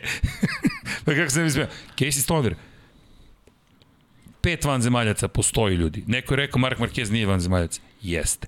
On je bukvalno sebe teleportovo u vanzemaljski svet, došao je posle originalnih vanzemaljaca, prvi vanzemaljac Valentino Rossi, drugi vanzemaljac Dani Pedrosa, treći vanzemaljac Casey Stoner ili Kelly Stoner i Dani Pedrosa zajedno, ako hoćete, došli su iste godine. Zatim Jorge Lorenzo, i onda se pojavio Mark Marquez koji bukvalno palio neki Warp 9, slomio Enterprise i došao u tu, u, na, u tu galaksiju gde su njih četvorica. Zašto? Casey Stoner, to je Deki rekao prošli put, dođe, ljudi, kao totem, njega gledaju kao, kao Gandalfa. Bukvalno, on je u Ducatiju, on može da sedi gde god hoće. Na Dalinijoj stolici, na Millerovoj stolici, na Banjajnoj stolici i prvi put, ja mislim, u istoriji ga slušaju. I Jack Miller je rekao, ko, ko, ko treba, da kome s kim treba pričamo da bi Casey ovde ostao, pitao sam ga, hoćemo li te viđati češće, rekao hoćete. Pa ne, dovoljno je, dovoljno je videti poslednje dve trke, pogledati rezultate, vozača fabričkog Ducatija, posebno Jacka Miller. Verovatno ne, ne samo ovaj, na tehničkom polju, nego već, verovatno i, i, mnogo više vezano za, za, za Jackovo samopouznanje i pristup trkama. Ovaj, a to se, to se prvi put desilo u, u, u toj nekoj ulozi savjetnika ili test vozača kad se pripremao motocikl za Andreju Dovicioza. Tako da Casey je više puta već dokazao ovaj, te svoje kvalitete pre svega u, u, u snimanju čitave situacije, analize i, i prilagođavanja motocikla datim uslovima na, na, na nekoj stazi. Ne verujem da, da je sve ovo što se desilo ovaj, na trci u Valenciji samo njegovo delo, ali, ali očigledno da, da postoji da postoji veliki uticaj koji može da, da ostavi sa bukvalno samo nekoliko rečenica. To je, to je onako stvarno fascinacija uh, posebno što su ovo već motocikli za koje možemo da kažemo da su već neka druga generacija u odnosu na ono što je Casey vozio, ali to samo potvrđuje njegov ta, talent i, i sposobnost da se prilagođava situaciji, u stvari da shvata šta je, uh, šta je ključno za, za, za kvalitetno ponašanje motocikla, a u jednom, u jednom od intervjua je čak i besplatno Hondi dao savete vezane za, za njihov razvoj motocikla, tako da vidit, vidit ćemo da li će da ga poslušaju. Vidi, ja, ja, ja sam fasciniran, ja sam morao da uđem u Ducati, ja sam tamo šnjuvao, što kažu, istraživao. Stoner, kraj. Ne, lepo ga je videti odmornog, raspoloženog Jest. i očigledno čoveka koji se uželao Motogram pritrka. Da, i pa i on je otišao do Rosije. I putovanje i Motogram, da, da, baš je bilo onako srdačno i, i skroz, ovaj, Ej, sve, okay. skroz očekivan. Pa, pa da, vidi, godine da. čine svoje, kad da. shvatiš da, da kad, su, kad si mladi i neuništiv si, onda shvatiš, pa imam rok da. trajanja, onda kažeš, ej, sve okej. Okay. Da. Sve okej, okay, pa, dobro smo se Generalno sve, sve je bilo u principu okej, okay, osim onog Hereza, tako da To, A i to, to nije sitno, bila namera, to je sitno, vidi, to da. je, to da, je čak i onaj da, australijski moment tako bio. Tako da ovaj, jedno, jedno zdravo rivalstvo koje će to ostati sad zapisano u istoriji, ali, ali nešto što može stvarno da posluži kao, kao primer kako, kako dvojica rivala praktično jedan drugog guraju i, i postaju pa, bolji iz trke u trku. Tako je. To je ono deki što je, što je pravo takmičenje. Ne možeš, to možemo da vidimo svugde. Jordan, da nije imao rivale koji su ga terali da bude bolji od samog sebe prošle godine, ne bi bio Jordan. Da nije bilo Detroit Pistonsa koje je morao da nadigra, Boston Celticsa, LA Lakersa, da nije morao da ide protiv Barclaya u finalu, da nije morao Jutu da juri, da nije morao sve to da prevazilazi, da nije imao konačno Hornacek, ne Hornacek, nego kako se beše zove u Orlandu? Orlando Magicu, ko je bio u Chicago Bullsima pa otišao Orlando? Horace, Horace Grant. Grant, nije Horace, da. Horace Grant, znam da mi je H u glavi. Horace Grant, koliko ga je razbesnio kada su ih dobili Orlando Magic i kompanija. On bukvalno čovek, svi imamo osmeh na licu, zašto? Zato što je to manijakalnost. To ljudi, ako to klinički gledate, kada bismo otišli kod psihijatra i te ljudi analizirali, to nije baš normalno ponašanje. E, šta je Kobe radio? Posle finala 2008.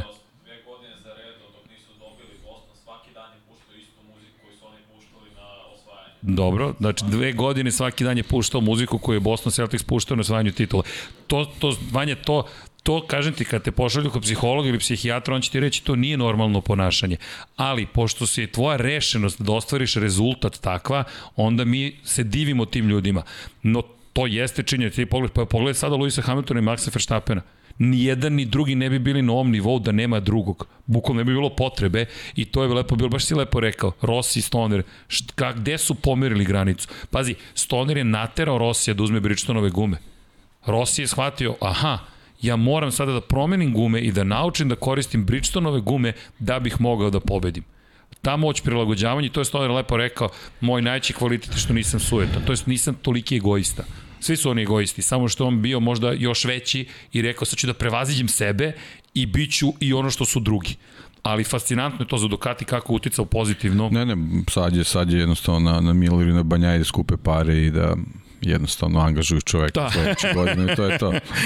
da otvore sve, Patreon. Sve jasno. I da stvarno, Patreon da kažu. Toliko su sigurnije delovali na poslednje dve trke nego na, na trkama ranije. Yes. Znači pričam kompletan paket Ducatija misleći na, na vozače da, da jednostavno nemoguće da, da, da ovaj uticaj nije postojao. Ne, bukvalno je nemoguće, ali zaista nemoguće i to onda postavlja se pitanje šta za... A to u, ovoj, u ovom Ducati kupu kojeg ćemo imati sledeće da, godine, da, fabričkom Ducati je zaista potrebno mnogo će im ovaj pa pazi. A, biti potrebna situacija da da oni oni dominiraju tom pričom. Ajmo ovako. Ajmo da pogledamo iz perspektive analiza. Ko utiče na razvoj kog motocikla?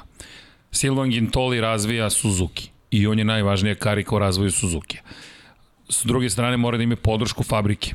To je ono što je nedostajalo, reklo bi se ove godine, i nedostaje Davide Brivio. Priča se da će se Brivio vratiti. Mislim da to može mnogo da znači za Suzuki. Da, ali mislim da vreme već prolazi. Da, ako sad to nisu učinili... Nisam uopšte fasciniran tom informacijom, zato što to već trebalo da se desi. Ako nisu, kasne sa razvojem motora. Tako je. I možda će tek za 2023. dobiti neku vrstu uticaja. O, ohrabruje izdanje, nažalost, samo Mira. Da. Gledamo na poslednje dve trke, jer mislim da su ovo neki obrisi onoga što možemo da očekujemo sledeće godine. Jer ipak, kad pogledamo Valenciju, Mir je bio praktično jedini koji, je, koji se mešao tu sa, sa Ducatijem. Mir, mir, mir, da. mir dobro deluje. Moram ti priznati da. ovako kada ga vidiš uživo, raspoložen je, siguran je u sebe i deluje kao neko ko samo čeka novi Suzuki. Tako je meni delovao. Rins, potpuno druga priča. Veoma je veliko pitanje šta će biti. John Mir je treći u svetskom šampionatu iza dvojice vozača koji su bili apsolutni konkurenti za titulu u, u drugom delu sezone. Tako da i ta pozicija nije, nije za bacanje. Inače, Aleksić 989, imenjače u posebnom ljubavnom modusi i večera samo pozitiva, pozdrav svima. Verovatno se čovjek zove Srđan. To Aleksiću, donirao je čovjek 500 dinara, hvala. Hvala. Dakle, inače, e, da, inače, vidim neki komentare za storije, pogledat posle šta ste pričali, ali ima još storija inače, tako da, da Biće ih, samo što nisam smeo još da ih kačim, ne zameriti. Inače, Toni Soni Brivio ne upređuje motor nego fabrike inženjeri.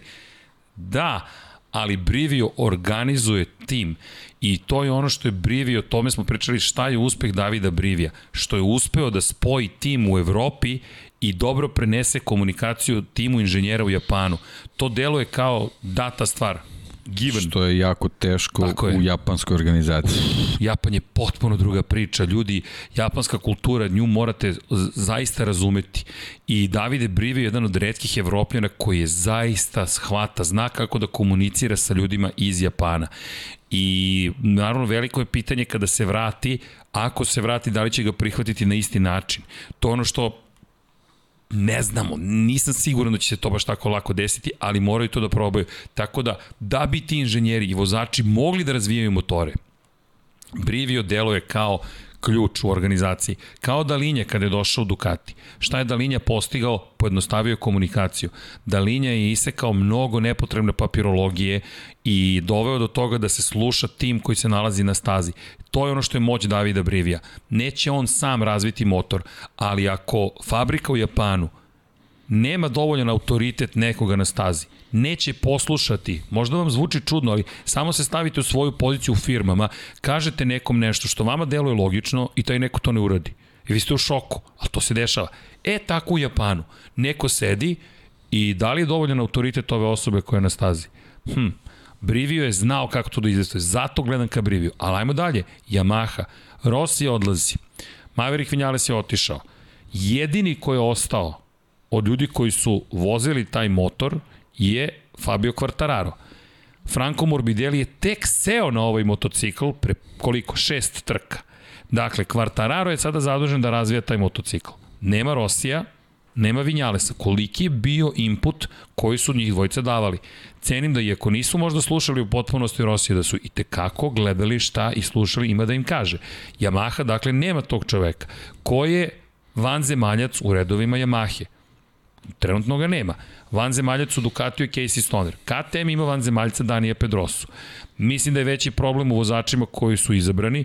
Više sam verovao u Breda Bindera i Oliveiru. To ne znači da neće on imati povremene uspehe, ali sada već bojim se da će teško uspeti u Moto Grand Prix. Da, Yamaha je propustila priliku sa, sa Lorencom koji je bio raspoložen da, da bude ovaj, test vozač Dobro, ova titula sad nekako potire tu priču, ali mislim da da iskustva tak, takvog šampiona nikad nisu ovaj bila, bila, bila višak, tako da, da mislim da, da, da, da je propuštena ta prilika. Što se tiče samog razvoja, mislim da Karl Krašlov ipak nije, nije taj, taj kvalitet prosto nije pokazao ove godine toliko. U početku je delovalo da je zaista dobro, ali onda se desilo da odjednom nekako ta Yamaha ne ide na, na pravi način u napred. Prosto tako je izgledalo. Dobro, Yamaha imala dosta potresa, posebno vezano za onu situaciju sa sa Maverickom Vinjalesom, tako da u principu i zbog toga treba odati veliko priznanje Fabio Quartararu ovaj, koji se sa, sa, sa, sa takvim potresima borio na način da, da, da jednostavno ostane fokusiran na, na svoj cilj i, i to je stvarno radio na, na onako šampionski način. Što se vidi, kada, kada gledamo vozača kao vozača, nema šta da se zameri Kvartararu, na primjer, ili Miru. Ja nemam, nemam šta, šta, bih, šta bismo mogli da zamerimo, ne previše. Ali sada se postavlja pitanje ovog ovog vaskrsnuća Ducatija, renesanse Ducatija. Kako ti da uzvrtiš udarac na ovo?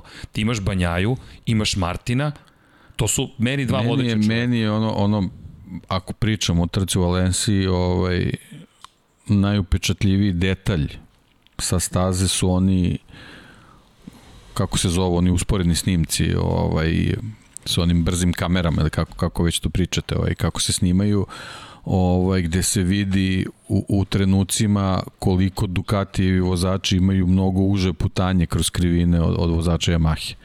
To mi je ono, ono utisak utisak Deki, vikenda. Znaš kako je spakovan Ducati? Ja ne znam da li postoje adekvatne... E, de, imamo možda Ducatijeve fotografije. Mislim da je, da je Dragan stavljao. Naći ćeš ih u noći su fotografisani.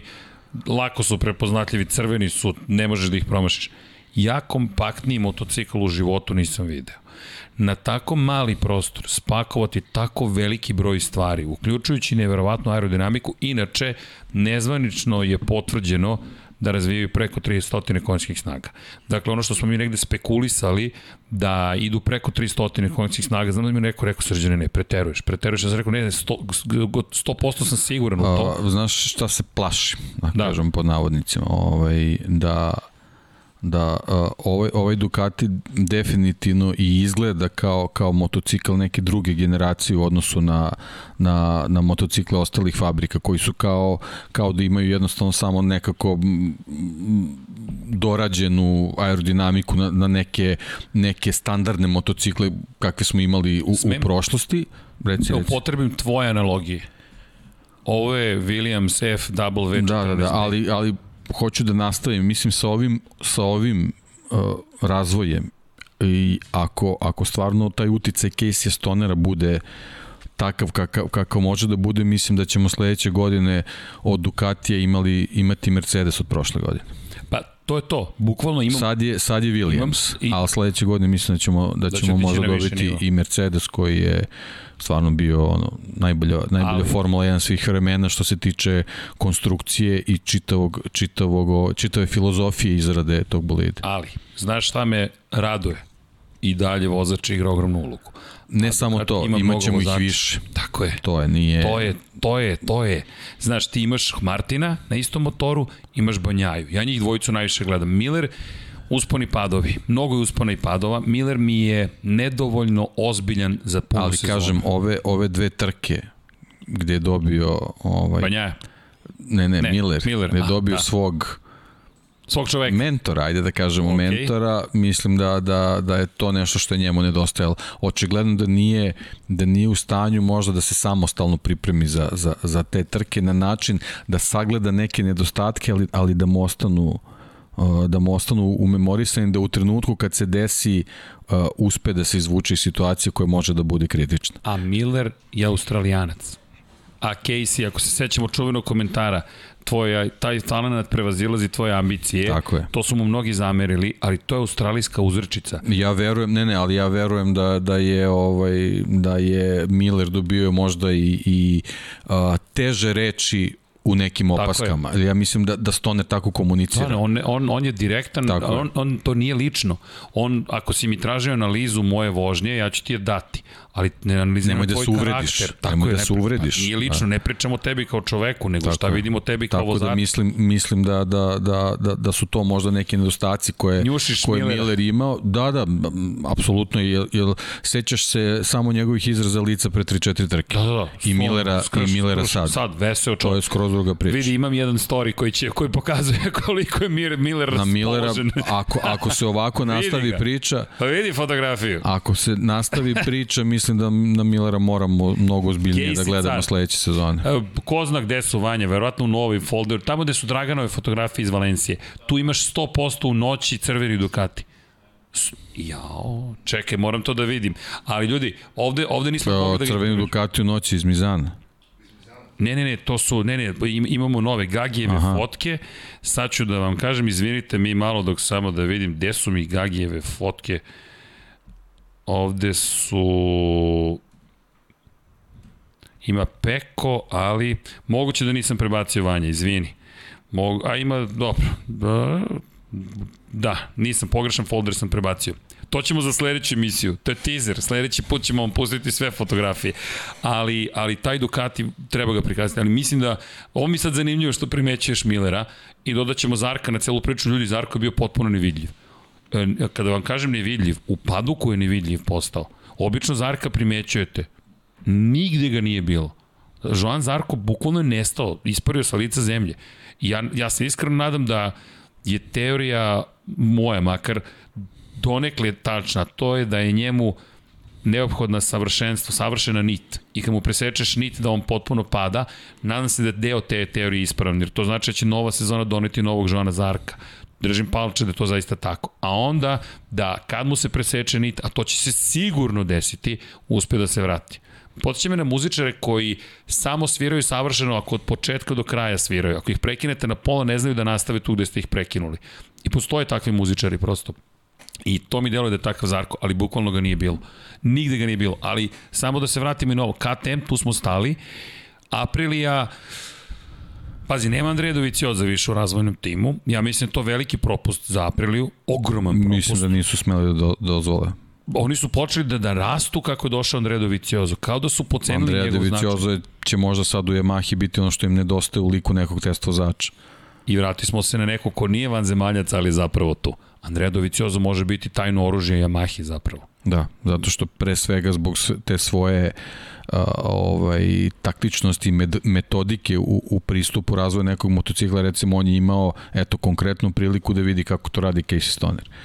Tako da, eto, ako, ako mu je to nedostajalo kao neki od njegovih talenata ovaj, na, na, na sve svoje kvalitete, ako može i to da doda, mislim da je Maha mnogo, mnogo dobila, ali je Aprilia mnogo više izgubila zbog tog nekog trenutka u kojem se trenutno nalazi i, i onome šta, šta taj motocikl zahteva da bi, da bi došao na neki vrhunski nivo. Evo, Propustili su priliku. da, ja mislim da su propustili ogromnu priliku sa Dovim, jer Dovi je skoro pa vanzemaljac. On je jedan od redkih koji mogu da se nosi s vanzemaljcima, ne da ih pobedi, ali s Lorencom se tukao bukvalno u 250 kubika, pobedio ih je u 125. U Moto Grand Prix-u bilo je trenutak inspiracije, pogotovo protiv Rossi i Markeza. Tu je najviše bio inspirisan sa Rossijem kada se tukao za treću poziciju, na primjer, uvek je bio težak protivnik i sa Markezom za prve pozicije težak protivnik. Sve ostalo, mm, usponi padovi. Ali on ima neverovatne kvalitete i vozačke i razvojne. Tako da eto, Yamaha, možda je to neki spas u Doviciozu.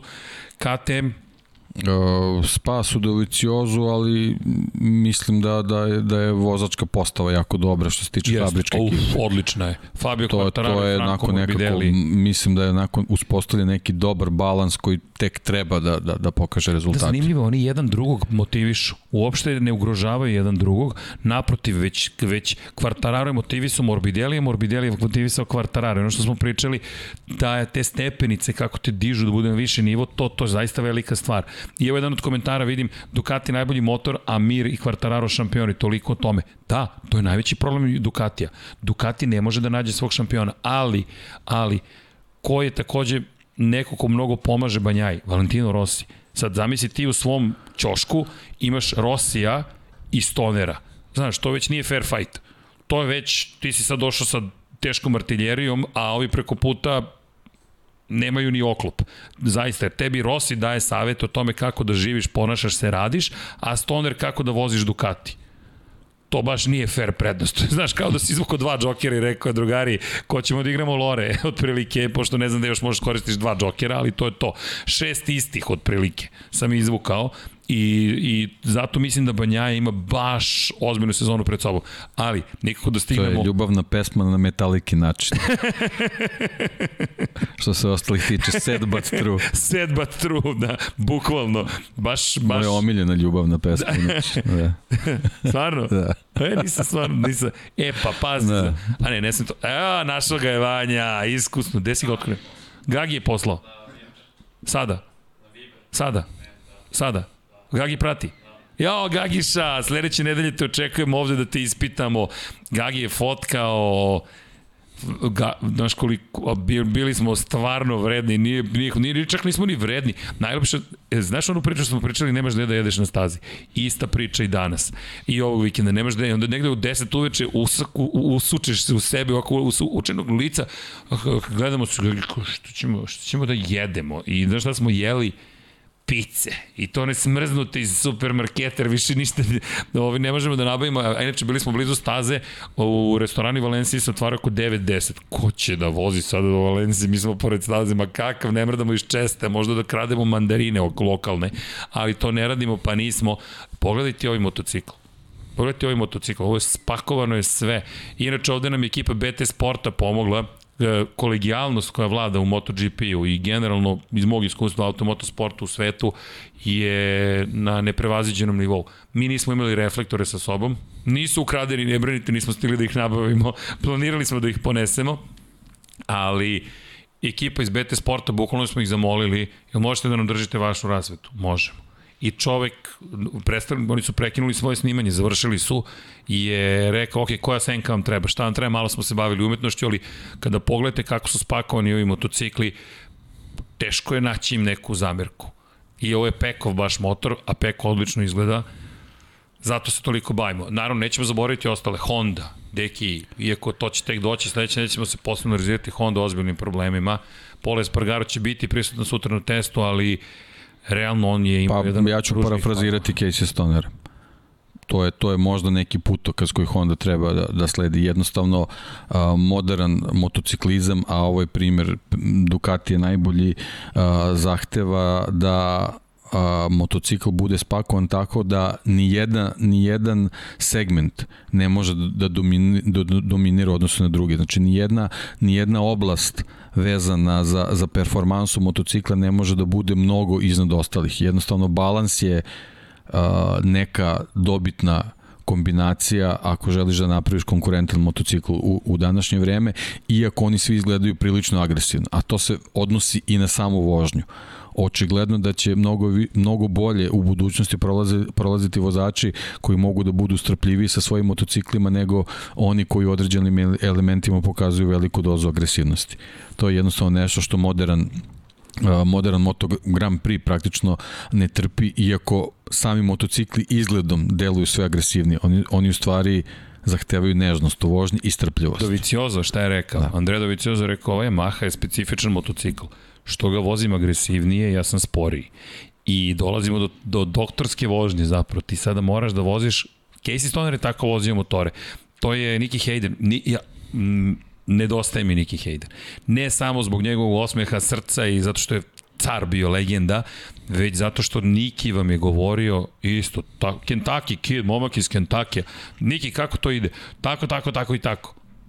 Kraj. Nema tu uvijanja reči, nema tu sakrivenih informacija, I Nik je govorio, ljudi, stalno mi pričate kako je Casey znao da zgrabi za rogove Ducati i da ovlada njime. Kaže, Casey nikada nije bio grub na Ducatiju. Casey je samo radio sve što je potrebno da taj Ducati da maksimum svoj.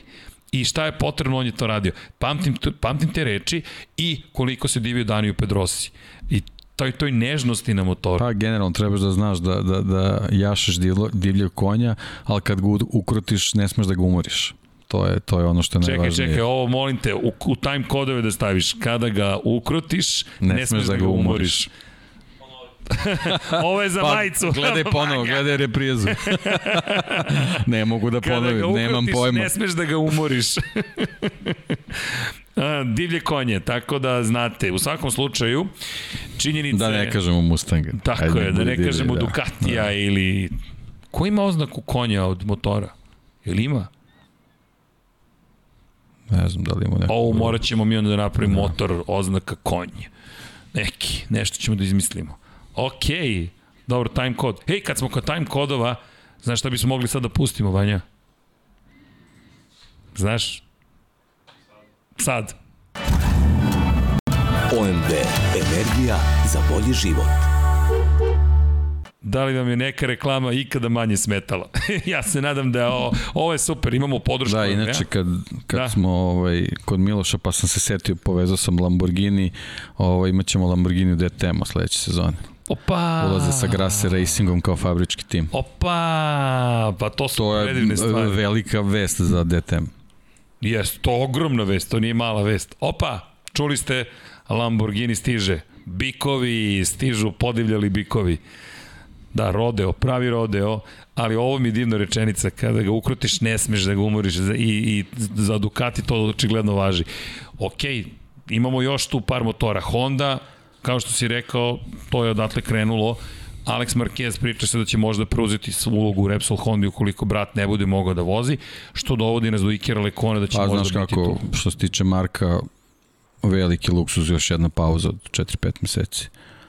To je baš, Baš baš veliki luksuz.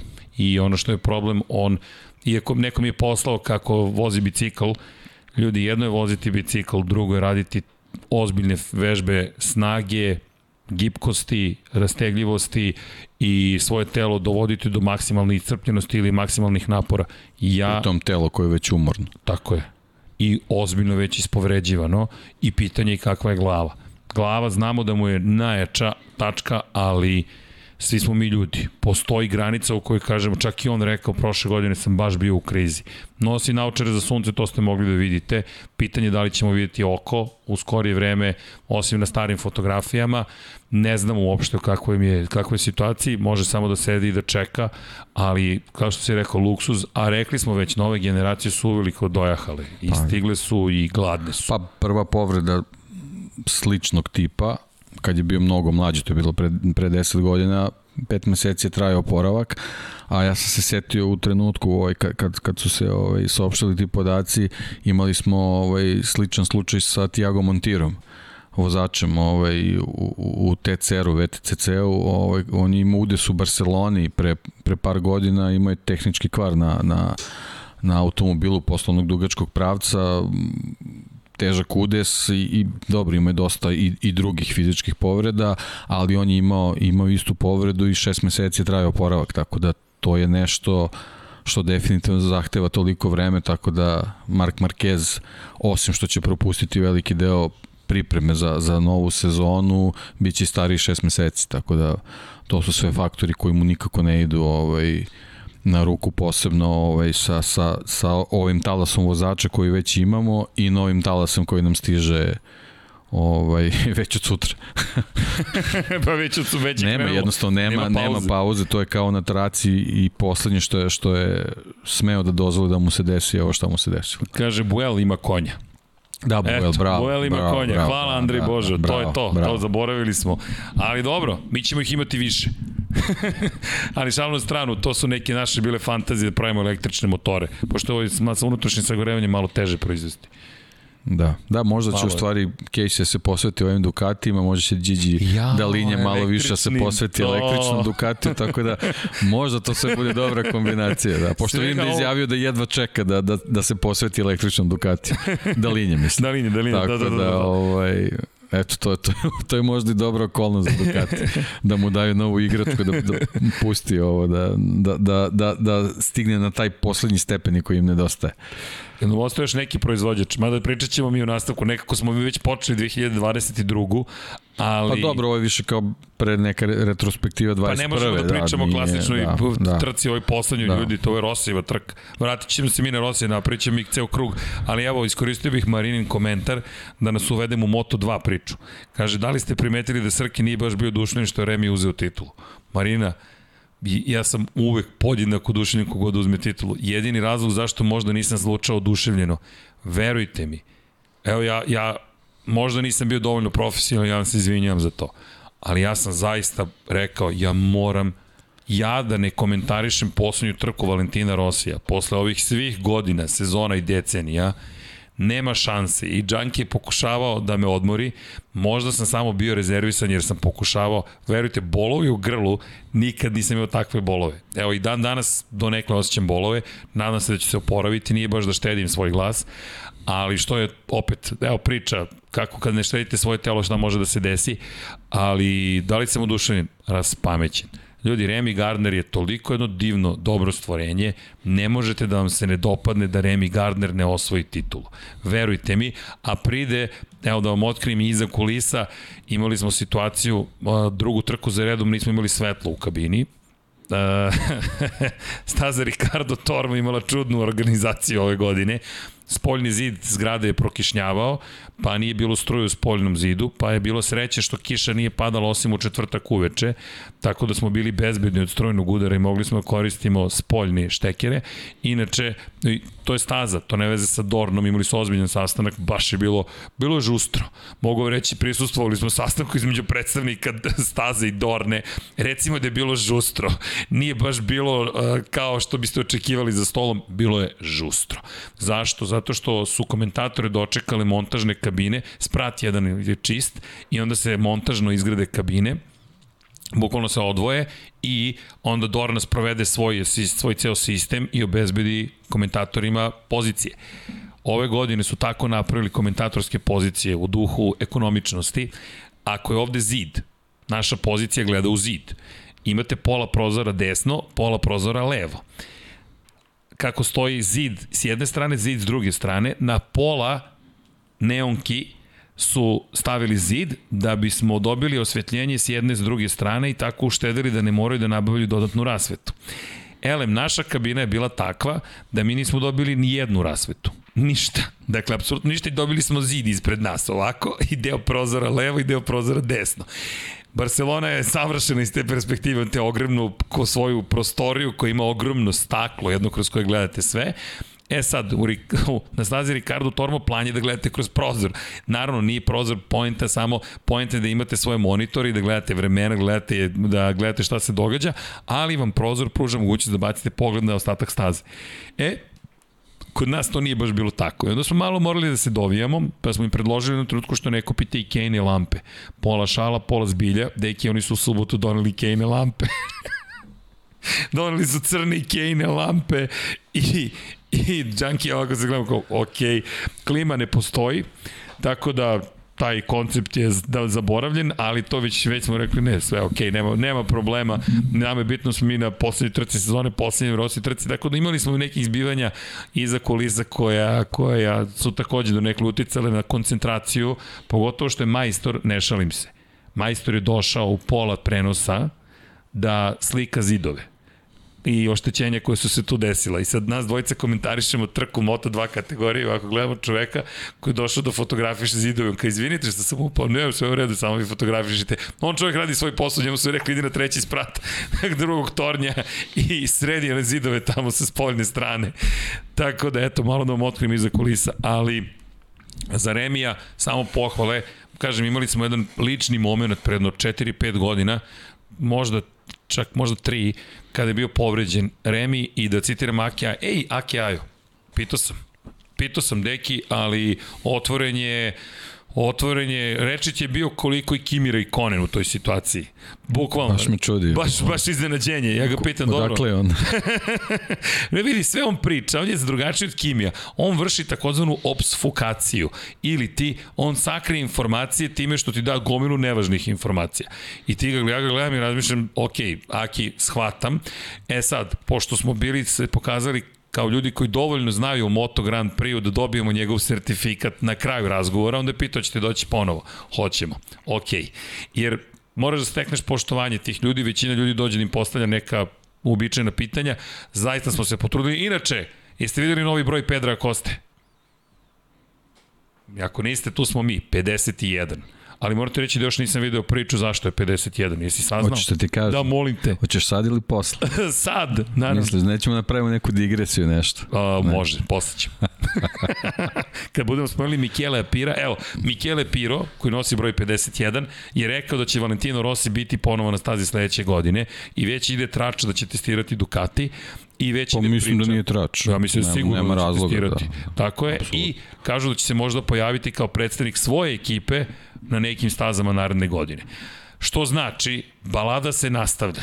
To znači, moramo na tu trku ponovo da odemo, da ga ispratimo do 17 puta otprilike i da to je to. Ali ne, to će biti egzibicija, to više nije. To je kao Jordan u Washingtonu. To Tu ti ne priznajemo. Već, da, već je pogađanje kako će biti ofarban taj motocikl. Žuto. Ili roze. Roze, to ti kažem, deki. Ili ti misliš da će biti roze? Pa vidjet ćemo. Zavisi u kom periodu godine. To, to, to, to, to. Ali eto, 51 je Michele Piro, pa možda je to bila inspiracija za broj. No, vratit ćemo se. Ali Remy Gardner zaslužuje sve pohvali. Pitao sam ga zašto si izabrao Remija Gardnera. Šta si video u njemu? Rekao, vidi, ja već godinama gledam u Remiju Gardneru nešto posebno. Ali on dosta divalj bio i neobuzdan i to je zaista pravi opis Remija Gardnera. Remi baš nije bio zainteresovan da bude potpuno posvećen motociklizmu, on se bukvalno zabavljao i nismo još pričali sa Remijem, ali mi djeluje kao Fabio Quartararo, da je došao trenutak kada je rekao, ok, šta ti hoćeš zapravo od svoje karijere i života i Aki Ajo je rekao, bio sam siguran da je to pravi potez. Kaže, a celu 2020. smo pričali sa Remijem koliko bi bilo dobro da pređe kod nas. Tako da je plan, planirao dugo da dovede Remija, a Raul, tu su se potrefile neke stvari pred kraj sezone i tad je povukao potez i rekao dovodimo Raula Fernandeza. Inače rekao je da je njegov plan stalno za da, do daljnjeg da ima jednog iskusnog i jednog Novajliju i da mu je to do sada donalo najbolji rezultat. Taj balans gde nema dva iskusna vozača koji su suštinski jedan protiv drugog i nema dvojice Novajlija koji se ne snalaze. Imam iskustvo, to mi je stup, na njega se pouzdam, a ovde ako se desi čudo, desi se čudo. Desilo se čudo, desio se Raul, Fernandez koji je pobedio, uradio ono što je trebalo on da uradi, ali Remi prosto ima dovoljno pena i šampionska vožnja jeste bio Mizano, oprostite, Ara, Aragon, Algarve na kraju, to je Portugal i svaka čast Remiju Gardneru, videti Vejna Gardnera u garažama, kako slavi sa svojim sinom i da imate titulu 500 kubika kod Vejna u rukama iz 1987. i 34 godine kasnije u rukama Remija Gardnera u Moto2 klasi je bio predivan moment. Zaista nežan i romantičan vidjeti oca i sina kako se grle Remi koji plače, koji je jedan vrlo fin mladić, nemam šta, potpuno sam oduševljen što je osvojio titulu. Ne da mi nije bilo krivo, naprotiv, slavio bih isto i za Raula, zašto? Isto jedan divan momak, fantastičan trkač, možda i talentovaniji od Remija, verovatno, ali nije osvojio titulu. U njegovom slučaju mislim da će to pojačati glad zapravo u Moto Grand Prix. Da, i za njega je dobro, čisto zbog tog samog pouzdanja što je i završio sezonu sa, sa pobedom i posebno ovaj, vidi se koliko mi to zna, znači tokom proslave one, one majice koje su napravili sa, sa nazivima staza na kojima je pobedio ove sezone, tako da vrlo je svestan svojih kvaliteta, ovaj, mnogo bi mu značio ulazak u Moto Grand Prix sa, sa, sa titulom, ali mislim da je ovako spada u grupu zvezda koje ćemo moći da gledamo ovaj, u, u sledećim godinama, a što se njega tiče, mislim, već, već vrlo brzo kao, kao jedan onako vanserijski talent. Van Bez obzira na kom je motocikl. Apsolutno. Jedino što sad vidim na Instagramu da stavljaju njegove fotografije kao da je pokisao cvet otprilike, ali ljudi ja mislim da je to samo trenutak u kojem je fotografisan. Često se iz seta fotografija gde škljocate po 30, 50, 100 fotografija izvuče nešto. Mislim da je Raul da nije nešto nesrećan zato što je na KTM-u više, to je ad acta stavljeno, ljudi on će iskoristiti svaku situaciju da uči kako se vozi Moto Grand Prix. Nemojte zaboraviti, to ne smemo da zaboravimo, šta će Raul dobiti time što sedi na testu sutra.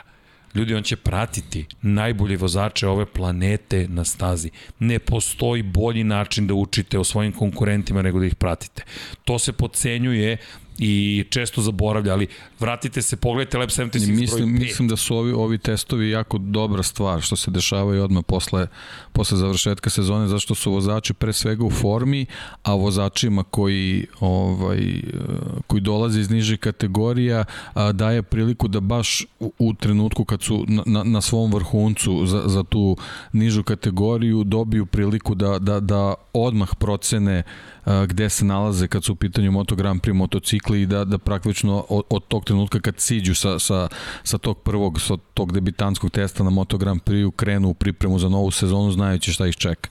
Tako da mislim da je, da je to zaista onako odlična stvar. Jeste, odlična stvar za njih i ja verujem da će oni napredovati već sada u ova dva dana da će mnogo napredovati. A da, evo jedan od komentara koliko je Raul poseban, osam pobjeda u debitanskoj sezoni u Moto2 klasi, jedno više od dosadašnjeg rekordera Marka Markeza dovoljno govori o tome koliko je taj momak talentovan. Uz misteriozni pad u Mizanu. Da. I dalje nema objašnjenja. Prosto ni on nije okrivio motor. Ne, ne, Ništa, ne zna rekao, se jednostavno kome pripisati to. On I dalje tako da je pa. Mislim, I dalje da, ne znamo. Da. Meni on i dalje zbunjujući pad, moram ti priznati, ali, ali gotovo titula je otišla u ruke Remy Gardner, Ralf Fernandez je u Moto Grand Prix, Remy u Moto Grand Prix i to je lepo, to je mnogo lepo zaista videti u celoj priči, da ti imaš dva momka koja koja dobijaju prave prilike. Ja bih rekao prave prilike. Tech 3 je fabrički tim. Ljudi, to je Factory, Tech 3, KTM. Da, za razliku od nekih drugih, apsolutno nam je jasno zašto se nalaze u Moto Grand Prix društvu i iskoristit ću priliku, deki, sad sam shvatio da bih jednu fotografiju voleo da podelim koju sam napravio, Vanja, prebacit ću ti na Slack zato što u ovoj situaciji mislim da ta fotografija zaslužuje pažnju i tiče se jednog vozača KTM-a, bilo je mnogo ispraća Danilo Petrući. To ne smemo da zaboravimo. Vanja, šaljem ja ovo u Slack, vidjet ćeš prosto, ima tu par stvari, a ima i apropo Remija Gardnera, to je jedan kadar koji bih volao s vama da podelim, s obzirom na činjenicu da je dečko osvojio titulu. Vanja, sve ide u Slack ako si ti ok sa time. Evo, stiže. S tim što Kaže da sam izabrao 65 fotografija. Ok, ne zamerite na ovome, ali da, 65 fotografija je malo mnogo. Nemam ih baš toliko spremnih da, da podelim. Imam ih, ali mislim da to Slack ne bi podneo. Ali bit ću brz. Zašto? Zato što su zaista mnogo lepi kadrovi. Jedan je iz konkretno garaže KTM-a, to je KTM Moto2 ekipe, isto su teh trojke u pitanju, a zašto hoću da podelim specifično ovo Danilo Petruću, hoću da podelim sa vama zapravo koliko je visok Danilo Petrući, čak ni ja nisam, moram te priznati, bio svestan nekako svaki put kada sam stavio pored njega sam zaboravio da, da ga uporedim sa sobom. Ja sam visok 1,92 m, vidjet ćete zapravo koliko je krupan Danilo i zašto je KTM bio toliko problematičan za njega ove godine. Ok, dok se to prosledi, dakle, Moto dvojke završene pobedom Raula Fernandeza, opa, hvala, Gagi je sve spremio i meni je bilo fascinantno dok prođe sada sve ovo, Vidjet ćete, ja se nadam, zapravo nešto zanimljivo što piše na kombinezonu Danila Petrućija. Potpuno me oduševio, ali neka to ostane mala tajna. Do tada u Moto dvojkama incident koji nekako mislim, za mene veliki utisak bio Lorenzo Baldassari, Simone Corsi koji je osvojio pol poziciju na MV Agusti, deki, kakav nevjerovatan trenutak. Mi smo svi bili ne šokirani. U tom trenutku Junkie me izbacio iz kabine i rekao, ne radiš ove kvalifikacije, idi odmori. Ja gledam tajming i vidim Simone Corsi. Jelena gleda tajming i dolazi da me pita da li tajming radi kako treba. I, i sad oboje pokušamo da shvatimo gdje se desila neka greška, o čemu se ovde radi i o zašto mi ovo sada pričamo, zašto otkud Simone Korsi celoj priči, ali ljudi, Simone Korsi je zaista osvojio pol poziciju da bismo shvatili koliko je to velik trenutak. MV Augusta, preko 40 godina nije bilo na pol poziciji. Evo ga taj moment, Ja vidiš da nisam toliko velik. Ali ljudi, pogledajte koliki je Danilo Petrović. Ja sam 1,92 m, nažalost imam 105 kg, ali ovaj čovjek je mnogo velik. Nasmejan, drag, pokušava da obori kilažu. Ne može. Prosto njegova konstitucija je takva i šta mu piše na, na kombinezonu, piše Gracije Grande Danilo, tako da je veliki Danilo u svakom smislu te reči. M je velik, M Gracije Vale, ali Gracije Grande Danilo i to je bilo mnogo lepo. Momenti ovo su posle trke kada su mu prezentovali njegov motocikl koji će koristiti na Dakaru. Fenomenalna trke ga očekuju, ali mi je bilo mnogo lepo da vidimo Danila. Po, osmeh na licu njegov. Mi smo samo došli i rekli, ej Danilo, samo ti poželimo sreću na Dakaru i onda tu neka ekipa koja je bila sa nama. Možemo se slikamo, ja razmišljam, sređene, ajde fotografije, pošto nemam običaj da se fotografišem sa vozačima, prosto to mi nekako da, imali smo i u studiju kod nas jednog velikog, velikog šampiona, da, jednog Gabora Sagmajstera, da, na KTM-u, tako da eto, može Danilo od njega da uzme neke savete ovaj, za, mu za nastavak karijere, da, da, da, kako da. se, kako se, kako da se spremi. Te kako je se spremi. I da, evo, da, da. toliko mi je bilo krivo što je Remi postao šampion sveta da sam otišao u njegovu garažu posle trke. I ovo je jedan od onih kadrova koje pamtiš. Samo su zamolili, nemoj da fotografišete motocikl potpuno je rasklopljen. Bukvalno potpuno je bio rasklopljen, sve tajne možete da vidite. Nije da nisam fotografisao, ali ih neću objaviti. Zašto? Zato što hoću da znam šta se krije u tom KTM-u. ali pa to nam je posao, ljudi, da mi otkrijemo šta tu sve postoji, ali ne moramo da delimo sa javnošću. Tako da, tako da znate. I moram priznati da, da je bilo jedan od lepših momenta, inače u tom momentu se fotografiše ekipa ne, ne Strelji Galicije, oprostite, već e-sponzorame i svi čekaju Luku Marinija. I imam story gde svi čekamo Luku Marinija. I sad ceo minut stojimo, čekamo Luku. Koji je došao video, onda otišao da se presvuče, stavi sponzore na sebe da se vrati i čekamo Luku, čekamo Luku, čekamo Luku, dok smo čekali Luku, odjednom ruši se garaža crvena pored, stigo je Jack Miller. I počinje potpuna ludnica naravno, otvara šampanjac, uzima boombox, izlazi, peva, slavi Jack Miller, stiže Francesco Banjaja i haos, haos u garaži Ducatija, potpuni haos, imamo i te fotke, sve ćemo vam to podeliti sa vama, ne zamerite, inače vozili smo u cugu iz Valencije da bismo stigli na Lab 76 u utorak, ovako se gledamo i kao, kao braća blues, It's 106 miles to Chicago. It's dark. We're wearing and we're wearing sunglasses. Hit it. I onda ekipa nije spavala, svako ima svoju etapu na putu nazad do Beograda. Šta je to 2300 km? E, jedino su nas, da, za one koji putuju, sve testove smo imali, sve sertifikate smo imali, jedine, imali smo proveru u Hrvatskoj i u Sloveniji, posle toga niko do Španije nije proveravao ništa, bukvalno nigde, osim kada smo se vraćali na ulazku u Francusku, su nas zaustavili na naplatnoj rampi, tako da ne na graničnom prelazu, nego bukvalno na naplatnoj rampi uzimamo tiket za, za autoput i kaže da imam PCR test. Ke, sad da nam je PCR test, pa mi smo spremni došli zato što Dorna pruža uslugu PCR testa. 85 eura košta PCR test, tako da kod Dorne Tako da znate i onda pokažete dokument i, i kaže i, i lep moment, moram da ti priznam, lep moment na granici sa Slovenijom. Dolazimo i gospodin na graničnom prelazu, granični policajac, ozbiljan, donekle strog, kaže gde, gde, odakle putujete, mi kažemo za Beograd. To znam, odakle putujete? Iz Valencije. Bili ste na utrkama. Instant reakcija. Bili ste na utrkama. Mi kažemo jesmo. Rossi I mi ovako ga gledamo, počnemo da se smijemo i kao mi smo ekipa i on kaže, plakalo se kod kuće. I, I šta sad ti da kažeš? Ja, Rossi on podigao rampu. Rossi podigao rampu. I gospodin samo rekao, ej, ajmo, vozi. A kada smo išli u Mizano, na granici sa Hrvatskom, gde ćete? U Mizano. Utrke. Da. Uje. Samo je rekao uje. I, i po, vidiš čoveka koji kaže što ne, što ne idem s vama. Ej, ima mesto u kombiju, dobrodošli ste, idemo. Tako da vesela ekipa. Inače, kada pričamo o putovanjima, Boris Trutin, pozdrav za Borisa iz Dohe, otišao je na trku Formula 1 kao gledalac. Tako da Borise, očekujemo izveštaj sa lica mesta kakva je Formula 1 u Dohi.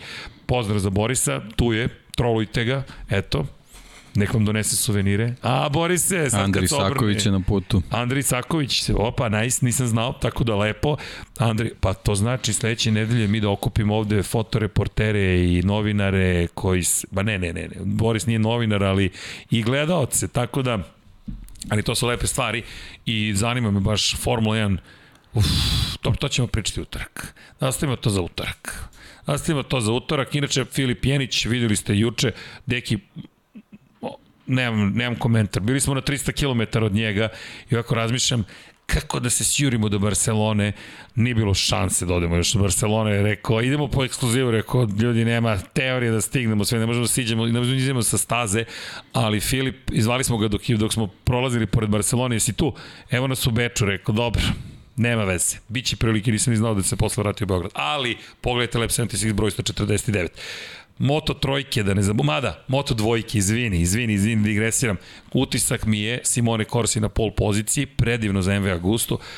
Tužno mi je bilo kada su se fotografisali sa brojem 24, bukvalno su isterali motocikl sa brojem 7 Lorenza Baldasarija da ne bude u kadru. Meni je to bilo tužno, srce parajuće zaista. Mm, Lorenzo je osvajač Red Bullovog kupa Novajlija, to je momak koji je pobeđivo u Moto2 kategoriji. Priča se da, iako je zabeležio jednu pobedu sa tim gumama, da nikada nije uspeo potpuno se oporavi od toga što je guma zadnja sa 165 proširena na 170 mm. I Tom Lut je rekao da to njemu je takođe previše uticalo na njegovu karijeru. Delo je kao sitnica, nije i Lorenzo prosto odlazi u svetski šampionat u supersportu, veliki broj vezača odlazi u svetski šampionat u supersportu. Lorenzo smo inače videli kada je Krišom potpisivao zid Valentina Rosija i to mi je bilo nekako baš poražavajuće, ali držimo palče će se oporaviti, možda sam pristrasan prema Baldi, Baldi imao ružne padove u Holandiji pre par godina i jedan je divan momak i pobedio mu stonom tenisu, tako da mi duguje revanš, ali to mi je bio utisak i Baldasari koji je pao na početku, to je bio kraj karijere u Moto2 klasi za sada, a MV Agusta, nažalost, na kraju nije ni startovala u drugoj trci. Kakva ironija, zbog pada jednog vozača, se restartuje trka i onda ti otkaže motor drugog vozača koji startuje s pol pozicije i koji je vodio u trci. A pre tri godine, dve godine, ne, pre tri godine, Stefano Manci na MV Agusti ovde se bori za plasmano pobedničko postolje I pošto sticam okolnosti, sam, pošto sam skitao po noći po stazi, pa sam ih fotografisao i ja rekao, nadam se da ćete uspeti ove godine, doćete do postolja, Stefano nije uspeo. Sećate se. Ej, posle tri godine ti ljudi često se zaborave, gleda, te ekipe izgledaju kao da su male, nevažne. Da, znači im, znači im kad se neko seti. Znači im, oni su tu da se trkaju i onda vidite Baldu kako odlazi, rekao, ok, i to je neki kraj jedne ere, mini ere, ali ok. I Moto trojke, Denis Fođa, duhom Derina Bindera. ali šta ti je pa, do, život? Da, Nije baš tako da. greška kao Derinova, ali greška je jeste, ali trkanje. Trkanje. trkanje. Šteta samo što nismo trkanje. dobili taj duel. Da. Za kraj, Denis Fođa protiv Pedra Kosta. Da, Pedro što mislim da je Kosta baš bio naoštren da, Jeste, da, da pobedi. Da pobedi. Pol da. pozicija prva u karijeri. Da, da, da, da. Izgledao odlično. Izgledao je baš kao šampion. Izgledao je rasterićeno. I, i, I ono što si ti rekao, koliko je on talentovan zapravo. Tek se sad vidi šta će od njega biti, a samo ako nastavi mudro, samo pouzdanje ima, ima titulu, ima pobede i mislim da će biti baš opasan sledeće godine. Hoćemo sad 50 jedinica. Hoćemo. Hoćemo to. Hoćemo. Da, aj, ajmo to da, da završimo. Jednostavno, povod je predstavljeni su da. liste vozača za, za sve kategorije i, i na listi su naravno startni brojevi. Videli smo da Pedro Costa da će nositi broj 51, s obzirom da, da njegov novi timski kolega Augusto Fernandez zadržava svoju 37-icu i, i ne postoji nikakva posebna misterija, ali je jako simpatična priča. Ovaj, Pedro Costa izabrao broj 51 iz jednostavnog razloga. A, pričali smo na početku sezone da sigurno postoji neko ko se nalazi iza Pedra i da ga vodi na ovaj način put, na, na, na ovaj put ka, ka, ka, ka samom vrhu i po, zaista postoji, to je, to je pokazao svojim brojem. A, njegov lični asistent se zove Paco Marmol.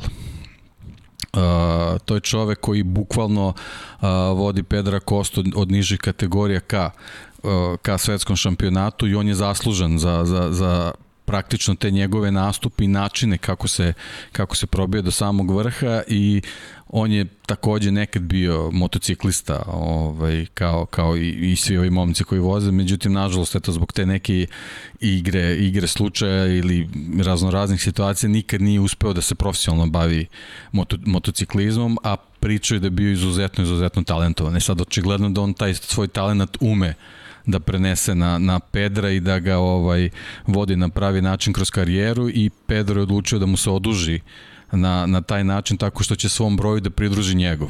Pako se takmičio sa brojem 14, tako da jednostavna je matematika 37-ica Pedrov od, od, od, od ove sezone i 14-ica Pakova čini broj 51 i eto on je na taj način odlučio da, da, da se zahvali svom mentoru, slobodno mogu tako da kažem, pa tako jest. da će u stvari eto sledeće godine i on biti na, na motociklu, inače ako ostaje dodao da što se njega tiče da su ti brojevi u stvari samo nalepnice na, na, na motociklima, da apsolutno nema problem da se takmiči pod, pod bilo kojim brojem. To je pravi trkač. Tako da, eto, to je, Ma pravi to je trkač. To, da. I baš je pravi trkač. Da. Inače, e, detalji sa staze.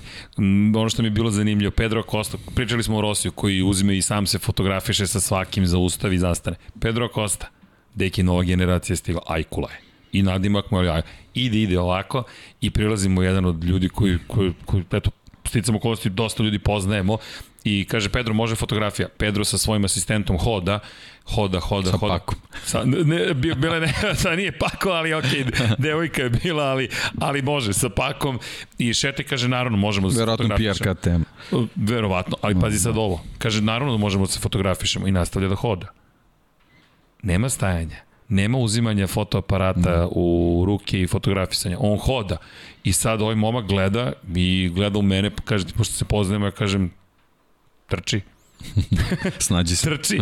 I Pedro koji ide, ide, ide i Pedro koji shvata da ovaj nije shvatio kako to funkcioniše i zastane, ovako ga pogleda i kao, hoćemo.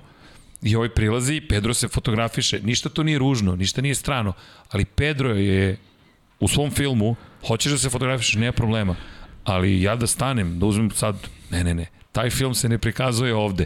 Ja imam moj cilj, da budem šampion sveta u Moto Grand Prix kategoriji više struke, on zaista je Pedro Acosta. Ali mi je bilo simpatično on, dečko koji je rekao, naravno, ali ide nastavlja, idem svojim poslom, pa sad ne mogu da stanem zbog tebe. I ovaj momak koji se potpuno zbunio, jer do tada sa svakim s kim je pričao, Petrući, Rossi, svi stanu, nema problema, Stoner, sa Stonerom se fotografisao. I ja ga gledam, prosto sva, idemo po garažama na neki način zajedno, paralelno, i Pedro Acosta nastavlja i, i mogu se zbunio, kažem, trči, hajde, trči čoveče, to je klinac, nema on tebe šta da čeka. I, ali bio baš, baš i šarmantni su, svi su oni dragi ljudi, naravno kad ste na stazi neće vam ništa oprostiti, oni se bio, bio za, za jednu poziciju, broj jedan, ali mi je to bio neko simpatičan detalj. I zanimljivo mi Pedro Costa je nosio kacigu Goremija Gardnera kada se trka završila. I stajao je u krivini broj 2 to su nam prijavili gledalci koji su bili tu. I posmatrao zapravo Remijevu trku. I svaki put znači, kad... ili će motocikl da sedne. Očuvaniji. deki, deki. Vrlo zanimljiva. To su detalji, to je ta lepota kad odete na stazu i onda gledate. Inače, Dani Pedrosa je pratio sve iz krivine broj 13. Tamo smo ga videli i posmatrao je kako prolaze kroz tu dugu levu krivinu i to je, to, to je upijao. I pitao se zašto prolazimo tako široko. tako je. Dani je bio tu, i, ali potpis za Danija, KTM-ov problem vozeš, rekao ljudi, pa ne može tako. Ali dobro, nije to toliko strašno, samo mi je bilo, samo mi je bilo zanimljivo. Kaže, srđane, znamo gde si u studiju na kraju univerzuma. Nikola Aksentijević. Eto, tako da znate. Ali, ali da, Kosta mi... Nemojte da vam padne Kosta u očima. Ne, ne, ne, ne, ne, ljudi, nemojte ova anegdota da vam bude ne. Nije on, dečko, ništa loše uradio. Naprotiv, on se na kraju zaustavio i sačekao. Nego hoću da vam kažem, oni ljudi su u nekom drugom filmu skroz. Nemojte uopšte da mislite da to loše. Ne, ne, želim da vam prenesem neku lošu emociju. Ne, Pedro je sačekao. Kad je shvatio da ga momak nije razumeo, on je rekao, naravno možemo se fotografirati fotografišemo, ali on ide svojim nekim putem, njemu nije u glavi, nije on nadmeno to uradio, nego je samo hodao i da li može fotografija? Može fotografija, nego ide negde nekim svojim putem to su samo su drugačije generacije. Nije, on je divan, div, divna, to su divna deca, ljudi generalno. I poenta jeste upravo u tome da je meni samo bilo simpatično što, što je ovaj gospodin malo stariji i drugačije su vremena, ali on je na kraju stao i sačekao ga. Nije Pedro bio nadmen, nego to su, nerazum, to su, to su to generacijski jaz. Niko iz njegove generacije se ne bi naljutio. Hodao bi sa Akostom, Akosta bi stao, oni bi se fotografisali i nastavili dalje. To je samo naš jaz u generacijama. Kao što meni klinci niko mi ne persira. Niko. 20 godina sam stariji, niko živi meni ne persira. Ja, da ne persiram ljudima koji su stari 5, 10, 15, 20 godina, kad sam ja imao 20, 25, verujte mi, mama i tata at gmail.com bilo bi po ušima. Ali to je druga generacija, ja ne zameram klincima. Drugačije odrastamo i to je, ne znači da mi ne pokazuju neko poštovanje, samo što ne smatraju da je formalnost u komunikaciji toliko važna. Vanja, jesi mi ikad presirao? Nisi, kad si presirao, dve godine mi već ne... E, na sport klub jesam, to, to si bio maloletan. Pa dobro, ali jesi mi persirao kad si punoletan? Pa jesam, i, jel smo okej? Okay? Jel me poštuješ? Pa jeste, ne, ali okej, okay, ti si... Jel staneš kad se slikate? Ma de stane kad se slika? On, on ne stane, šalim se. Nije, nije, hoću da kažem da ja nemam problem sa time. Vanja je jedan divan čovjek. Ljudi, Vanja je jedno srce. Ali je stvar u tome što drugačije. Jel tvoja generacija generalno persira? Većina ne. Većina ne. Ali ja nemam problem sa time. Nemojte, Pedro Costa je super, verujte mi. Svi su oni skroz ok, vrlo malo je tamo zaista nadmenih ljudi. Znate ko je bio nadmen? Andreja Janone. Mega nadmen. Mega, mega, mega, mega nadmen. Mega. Dakle, Andre, Andreja Janone kada je potpisao za Ducati se ponašao kao da je Rossi za njega neki klinac koji ne zna da vozi motocikl. Rossi nikada se nije slično ponašao. Marquez se nikada nije tako pokazao. Jorge Lorenzo se nikada nije tako ponašao.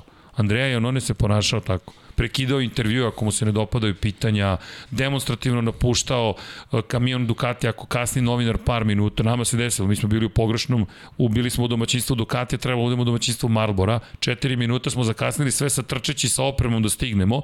On ima običaj da kasni po 20 minuta i kao sve je okej. Okay. I mi smo se dogovorili, ako nama ikada zakasni Andreja Nonen, mi izlazimo. Četiri minuta mu je rok.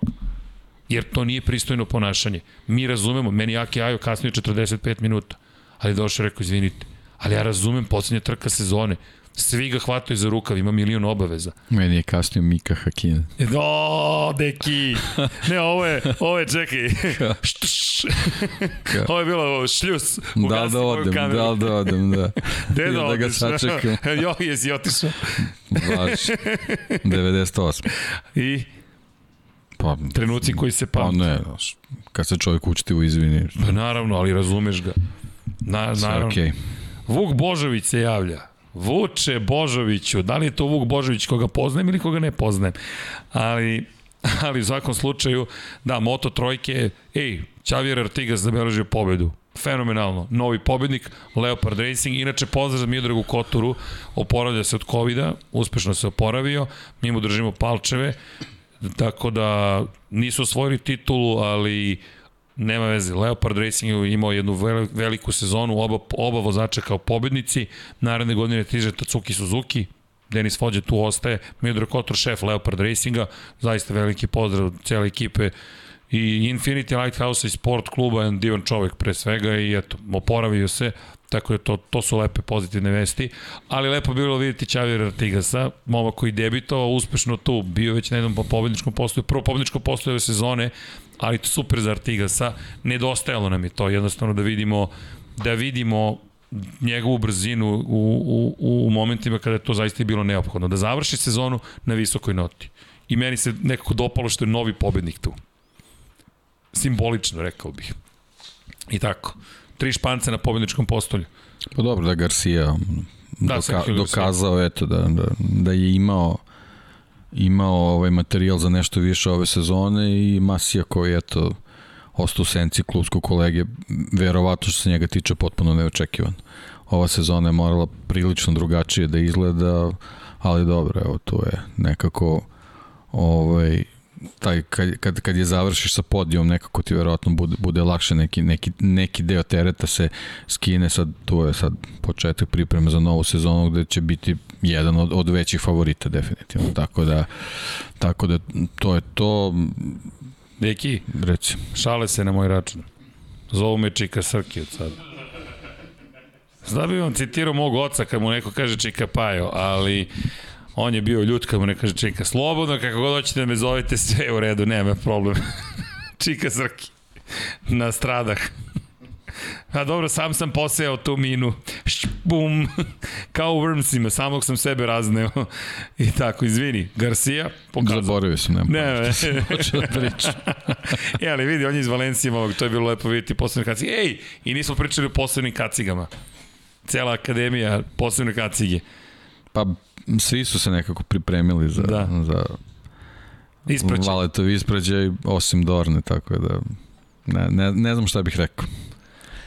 A ovo je pa, kacige onako, stvarno su... Ali kako čudno, gledaš ih, Da, gledaš lepo je, Rosijevu kacigu ali lepo je podsjetiti se, znaš, vidiš, vidiš kacige od kojih su neki stari preko 20 godina Da, i kažeš, bukvalno. pa da, okej, super izgleda. I dan danas, To je to, i dan da, danas da. dobro izgleda. U stvari, eto šta je, šta je on između oslog doneo u taj šampionat.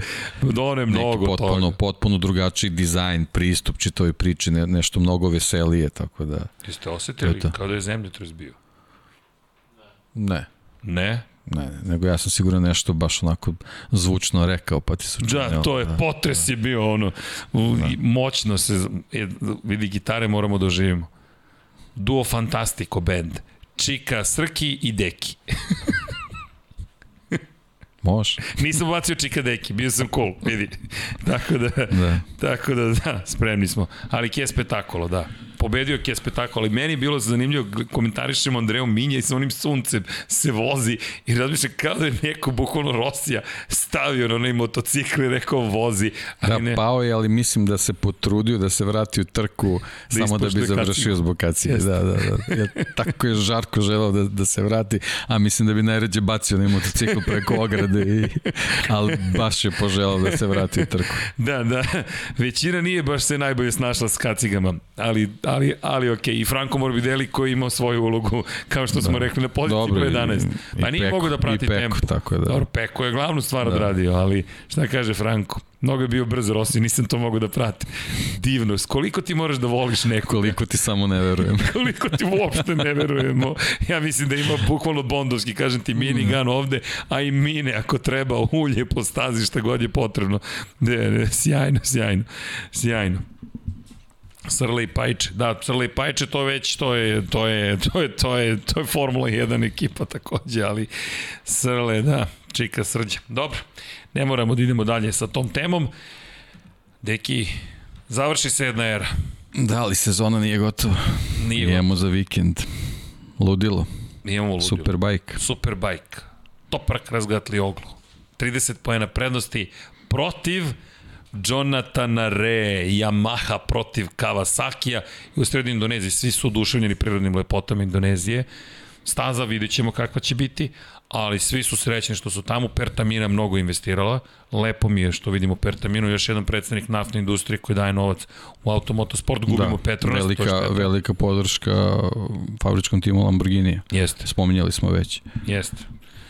I mnogo je lepo vidjeti da su svi toliko uzbuđeni pred kraj sezone, Pa, ali znaš kako, to je, to je onako rasplet za, za poželiti, znači svi, svi porede svi porede sezonu Bailey Edwards sa, sa, sa ovom godinom. Tako da, da je sup- Superbike je to dobio, dobio priliku da, da se on vrati na, na, na velika vrata ovaj, što se tiče popularnosti u, u nekim mnogo, mnogo širim krugovima nego što je to bilo u nekom poslednjem periodu. Tako da mislim da, da imamo tri, tri paklene trke što se tiče razgati oglu, a mislim da mu je prva, prva će biti mnogo, mnogo važna. Imam opet neke, neke svoje sulude teorije kako u stvari gledam na ovaj, na ovaj završetak sezone. Pošto je Topraku trebalo malo malo da se da se zaleti u, u čitavu priču i taman je ovaj dobio taj zamah i onda se desilo nešto kao kao u košarci znaš kad jedna ekipa onako baš baš krene ovaj da dominira onda onda te preseče ovaj protivnički trener sa timeoutom e tako mi nekako ova sezona izgleda i ova ova prevelika pauza između dva trkačka vikenda mi nekako deluje kao kao timeout koji možda Topraku baš neće baš neće da prije i baš zbog toga ovaj gledam gledam u više nego isku, istu, iskusnog Johnny Rea u ovaj, i ove tri trke i ovih 30 bodova razlike. dobro, znamo Mislim, svi. ja sad, eto, volao bi da to bude tako zanimljivo, ali, ali imamo stvarno dva, dva, dva sjajna vozača koji uh, svaku priliku će ugrabiti jedan i drugi da, da, da ovaj dođu do titula. Johnny sigurno ovaj ponovo ima ogromnu motivaciju i sad jedino ona izjava da da je potpuno rasterećen ulazi u vikend nekako mi ne pije vodu i ne verujem baš tu nešto preterano, ali ovaj baš zbog toga mislim da je da je pred nama ovaj ludilo. Ja sam ne siguran, nego ne, ni ne razmišljam o tome da Johnny nije potpuno posvećeno po osvajanju sedme titule. Nema šanse. Deki, taj čovek je uvek davao sve od sebe u ključnim momentima. Ja ne vidim je to onda penzija. To je onda, to je onda, i onda je penzija. Jer ako on se pojavi u momentu kada može da nastavi niz, i ne samo da nastavi niz, već velikim povratkom, preokretom u poslednjoj rundi, u poslednje tri trke sezone, dođe do vrha protiv novog klinca u, na bloku u, dvorištu školskom i pobedi Yamahu još jednom, Kawasaki Yamaha i to je rivalstvo sada, Japan, Japan, nema šanse. Pazi, nema teorije, mislim da će ići na tri pobede, a šta će biti iza njega, bit će. I mislim da je to jedini plan koji za ovu, za ovu trku konkretno ima. Tako je. To je moj utisak, a Toprak, Toprak deluje dosta opušteno. Ko mislim da je ključni igrač u celoj priči je Scott Redding. Jer Scott Redding deluje mi kao Mirođija i da njemu tako zabavno sada, pošto odlazi iz Ducatija, da uzme taj Ducati i da radi šta god da mu se radi. Mislim da je za ovo njega idealna situacija za dobre rezultate. Volao bih da je takav i kada nije u ovoj situaciji.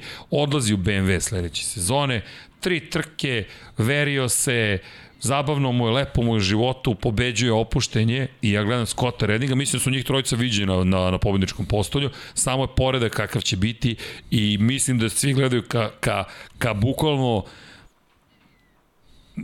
projektilu kakav je Scott Redding, jer on deluje kao projektil u ovom momentu i moram ti reći da bih volao da tako nastavi da vozi. Sad šta će biti sledeće godine kada promenim motocikl, ne znam, ali Scott Redding, pobratite pažnju, ali gledajte obavezno ovoga vikenda svetski šampionat u Superbajku, ne da se nećete pokajati, nego to je ta lepota i ljubav prema prema motociklizmu. Zaista ljubav prema motociklizmu i takmičenju na motorima, tako da neću promovisati kanal, jer to ne bi bilo profesionalno s moje strane, radimo potpuno drugoj kući, ali ću promovisati sport, promovisat ću emocije. No, ja mogu, tako. Ti možeš. ali činjenice treba da gledate. Da. Potražite gde možete da gledate i uživajte tri trke, imate tokom trkačkog vikenda i sve tri garantujemo, ne volim da pričamo o garancijama, bit će spektakularno. Na ovaj ili onaj način. Ali nadam se da si upravo da će se odlučiti u poslednjoj krivini poslednje kruge i da će to biti to. Pa Baš svi, svi pričaju da, da ova sezona mnogo liči na onu na onu čuvenu sezonu od eto skoro, Troy skoro Babies. 20 godina da, da pisali smo o njima Uf, u nekim, se nekim drugim pričama da. i je za prođe kad pomisliš na njih ali to jeste, Imola je tada bila poslednja trka sezone i Colin Edwards je preokrenuo rezultat u svoju korist. Zaostajao je toliko da je već viđena titula bila u rukama Troja Bailisa, ali na čuvenoj Honda VTR, teksaški tornado, zato su ga i prozvali teksaški tornado, prohujao je. Verujte, prohujao je i odneo sa sobom Australijanca na Ducatiju. Kasnije je osvojio titulu, još, još titule svoje Troy Bayliss, ali ta sezona se pamti. I pobedio Moto Grand Prix i svašta. Jeste, jeste. Vredni Troy Bayliss. A, vidjet ćemo da li će Scott Redding zaista odigrati ulogu, ja sam ubeđen da će, da će nešto se tu dešavati sa Scottom Reddingom. Kako god, pogledajte svetski šampionat u Superbajku. I lepo se rekao, sezona nije gotova. Inače, možete da pratite na sport klubu i svetsko juniorsko prvenstvo. Cev Repsol, Daniel Olgado juri da zadrži poziciju broj 1. Moto trojke pre svega gledamo, bit će tu i evropski šampionat Moto dvojke, ali tu je već završen posao, Fermin Aldeger je odavno šampion, međutim bit će lepo vidjeti u CV Repsolu ko će tu biti najbolji, nova imena stižu već, a saopšteni kao što smo rekli, i to bismo mogli da iskoristimo priliku, saopšteno je zapravo ko će voziti naredne godine u Moto trojkama i Moto dvojkama, pa čisto da eto, da, da budete u toku šta se događa sa, sa sledećom sezonom, samo da vam pročitamo tačno ko gde nastupa, pošto je nova sezona de facto. Počeli da govorimo na pitanje šta će biti neki detalji o CF Moto ekipi. CF Moto je potpisao kineski ugovor sa Prustel Grand Prix, to je nemački tim, Prustel Grand Prix, pamtimo Jasona Dupaskija, nažalost izgubili smo momka sa brojem 50 i kada pričamo i o promenama od 2023. samo punoletni će moći da voze, ali Prustel Grand Prix potpisao ugovor, međutim koristit će KTM, Dakle, KTM je motor koji će koristiti, ali će biti potpisan kao CF Moto i bodovaće se kao takav u šampionatu konstruktora i vidjet ćete kada pročitimo ko će sve nastupati naredne godine u Moto2 kategoriji i zanimljivu situaciju po pitanju konstruktora. Gas Gas se pojavlja kao konstruktor, ali zapravo priča se da će to biti Kalex, koji će zapravo samo nositi značku gas gasa, za razliku od KTM ekipe koja se ne potpisuje kao KTM, mislim da bi to bilo KTM-u neprihvatljivo da svoju glavnu robnu marku zalepi na Kalex, Gas Gas joj nije glavna robna marka, ili možda uprava Gas Gasa tako odlučila, ne znam, postavit ćemo to pitanje. Kako god,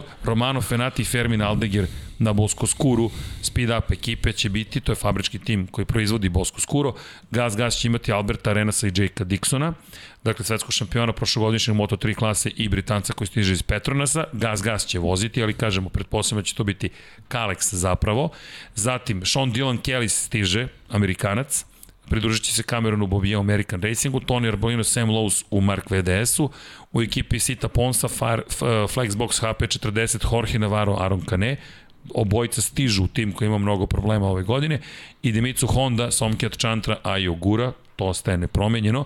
Joe Roberts, Lorenzo Dalla u Ital Transu, u Intact Grand Prix u Likvi Moli, Marcel Schrotter i Jeremy Alcoba koji stiže iz Moto Trojki, zatim Gabriel Rodrigo i Bob Ben Snyder u Pertamina Mandaliki, sve su to Kaleksi inače, Rodrigo stiže iz Moto Trojke, ostaje Boben Snyder ovde, Red Bull KTM Mayo Team, Augusto Fernandez, Pedro Acosta, opet Dream Team imaju, fantastičan je Augusto Fernandez, Pedro Acosta, šampion Moto Trojki, Barry Baltus i Zonda van der Gurberg, koji ima tek 17 godina i zapravo 16 će imati, ne 17 će se imati sledeće godine. Zonta je sin, inače Jurgena van der Gurberga, legendarnog vozača i nekoga koga mi pamtimo, holandjanin, koji će tako preskočiti celu priču o zabrani maloletnim licima da voze u 2023. Zont će voziti za RW Racing holandski, Filip Salač, Alessandro Zakone za Gresini, stiže Salač, stiže za Kone iz Moto E šampionata, Salač stiže iz Moto Trojki, Čelestino Vieti i Nikola Antonelli zajedno u VR46 ekipi. Antonelli menja kategoriju i ide u Moto Dvojke, to je potvrđeno, nosit će broj 28, pošto Marcel Schrotter koristi 23, 51 kao što smo rekli za Kostu, Manuel Gonzalez i Kemint Kubo će voziti inače za ekipu Yamaha VR46 Master Camp Team. Dakle, Yamaha se zvanično pojavljuje, na Kalexu će biti, to je opet kombinacija sa Akademijom Valentina Rosija, Manuel Gonzalez pričali smo o Manuelu Gonzalesu, dakle, naučili smo ko je Manuel Gonzalez, ispratite ga u SSP-u 300, ali Kemit, Kemint Kubo sa Tajlanda, i to je, da kažemo, azijska veza, da ne kažemo Yamahina veza, Tajland, Indonezija, vrlo važne teritorije, vrlo važne iz perspektive ne samo promocije sporta, već prodaje motocikala i Simone Corsi i Marcos Ramirez na F2-kama na MV Agustama. Eto, tako da znate, to će inače biti postave u Moto2 šampionatu, kada je reč o Moto trojkama, Samo kratko, dakle, stiže neka nova lica i tu će biti zaista interesantno. Artigas Carlos Taj u CF Motu, da odgovorimo na to pitanje, Garcia Guevara u Asparu, zatim Mario Ađi i Tajo Furusato. Tajo Furusato koji je pobedio na, veli, na Red Bullom kupu Novajlija u Muđelu u prvoj trci u karijeri ove godine, pojavio se u Muđelu i pobedio. Nije ponovio pobedu, ali deluje dobro i Mario Ađi koji predstavlja zapravo Indoneziju, tako da Indonezija ima svog predstavnika, Fođa Suzuki u Leopardu, u Snajper su Minjo i Sura, Felon i Ricardo Rossi koji se pridružuju Sić 58 ekipe. Inače, Ricardo Rossi u nižim kategorijama vozio za Sić 58 tim. Vraća se kući, tako su makar potpisali sliku. Scott Ogden i Joshua Watley, Britanci u Vision Track Racing ekipi. To je novi tim koji menja Petronas John McPhee, Ayuma Sasaki na Husqvarna i Steril Garda Husqvarna, Max ekipe kod Massimiliana Bjađa, Mateo Bertele i Elija Bartolini u Avinti, tako da Avintija nastavlja italijansku vezu i već smo ih videli ove godine. David Salvador i David Munoz u Bow Skull Rider, to jest u Bow SKX-u, to su nova lica.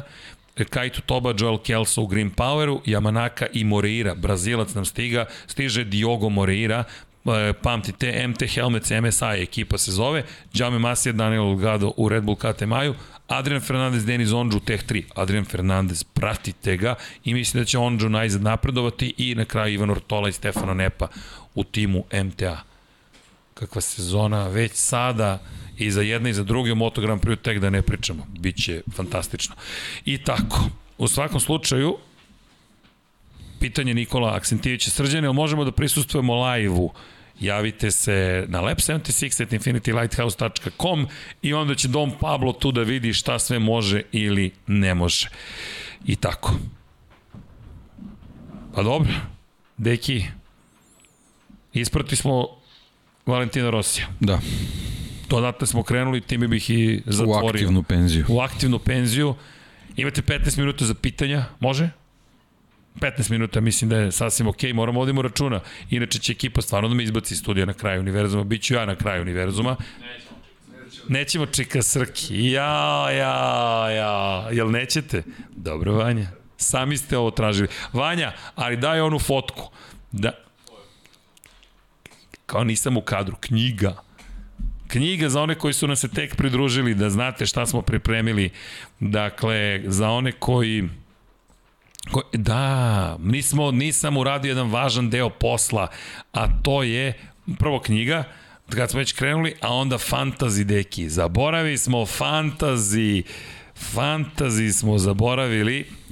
Kako? E, da se pohvalimo i da vas eto pozovemo, ukoliko ste zainteresovani, Valentino Rossi, sve moje trke, monografija, 336 strana u boji, tvrd povez, ukoliko uspemo zajedno sa štamparijom da se organizujemo, bit ćemo prvi na svetu, Infinity Lighthouse koji izda ovu knjigu, dobili smo dozvolu Euro Publishinga koji je vlasnik prava i Meta Oaksley, koji inače tweetova, inače odgovorio nam je tokom emisije rekao, ej, nema problema, pošaljite mi link kad bude na shopu, red, ponovo ću da vas tweetujem.